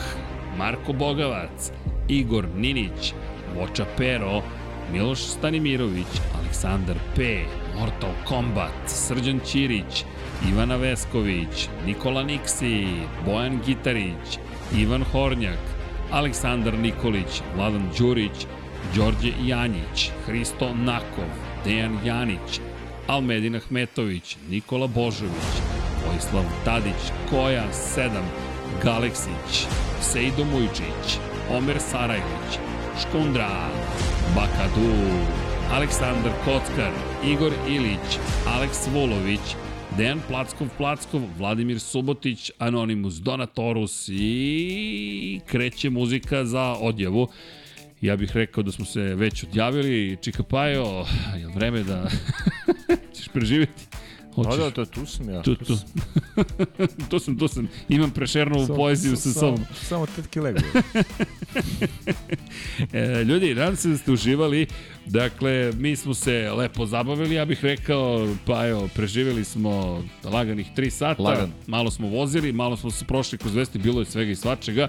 A ovo je samo najava onoga što će biti zabava. Ja ne znam zaista kako će ovaj sprint da izgleda, ali jedva čekam da vidim. Dva puta kvalifikacije, dva puta trka. I to, time kreće nastavak sezone već naredne nedelje. Možda Miami. budemo imali žar u očima zbog tog sprinta u utorak. Ko zna. Ko zna, da. Ajde da vidimo, ajde Možda da držimo palčeve. Da, u svakom slučaju, ako vam to nije dovoljno, imate i Moto Grand Prix, pa eto, da ne širimo na druge kategorije, dodajte kvalifikacije, sprint i trku za Moto Grand Prix, vikend je savršen i tu bih vam rekao svima, Ćao Ćao svima. It's been 22 years since we started the saga. How did we get so lucky to come so far? This family is ready to come back together. It's a dream come true. I mean, it's definitely bucket list for sure. Boom! We're at the apex of this franchise. Fast. Oh!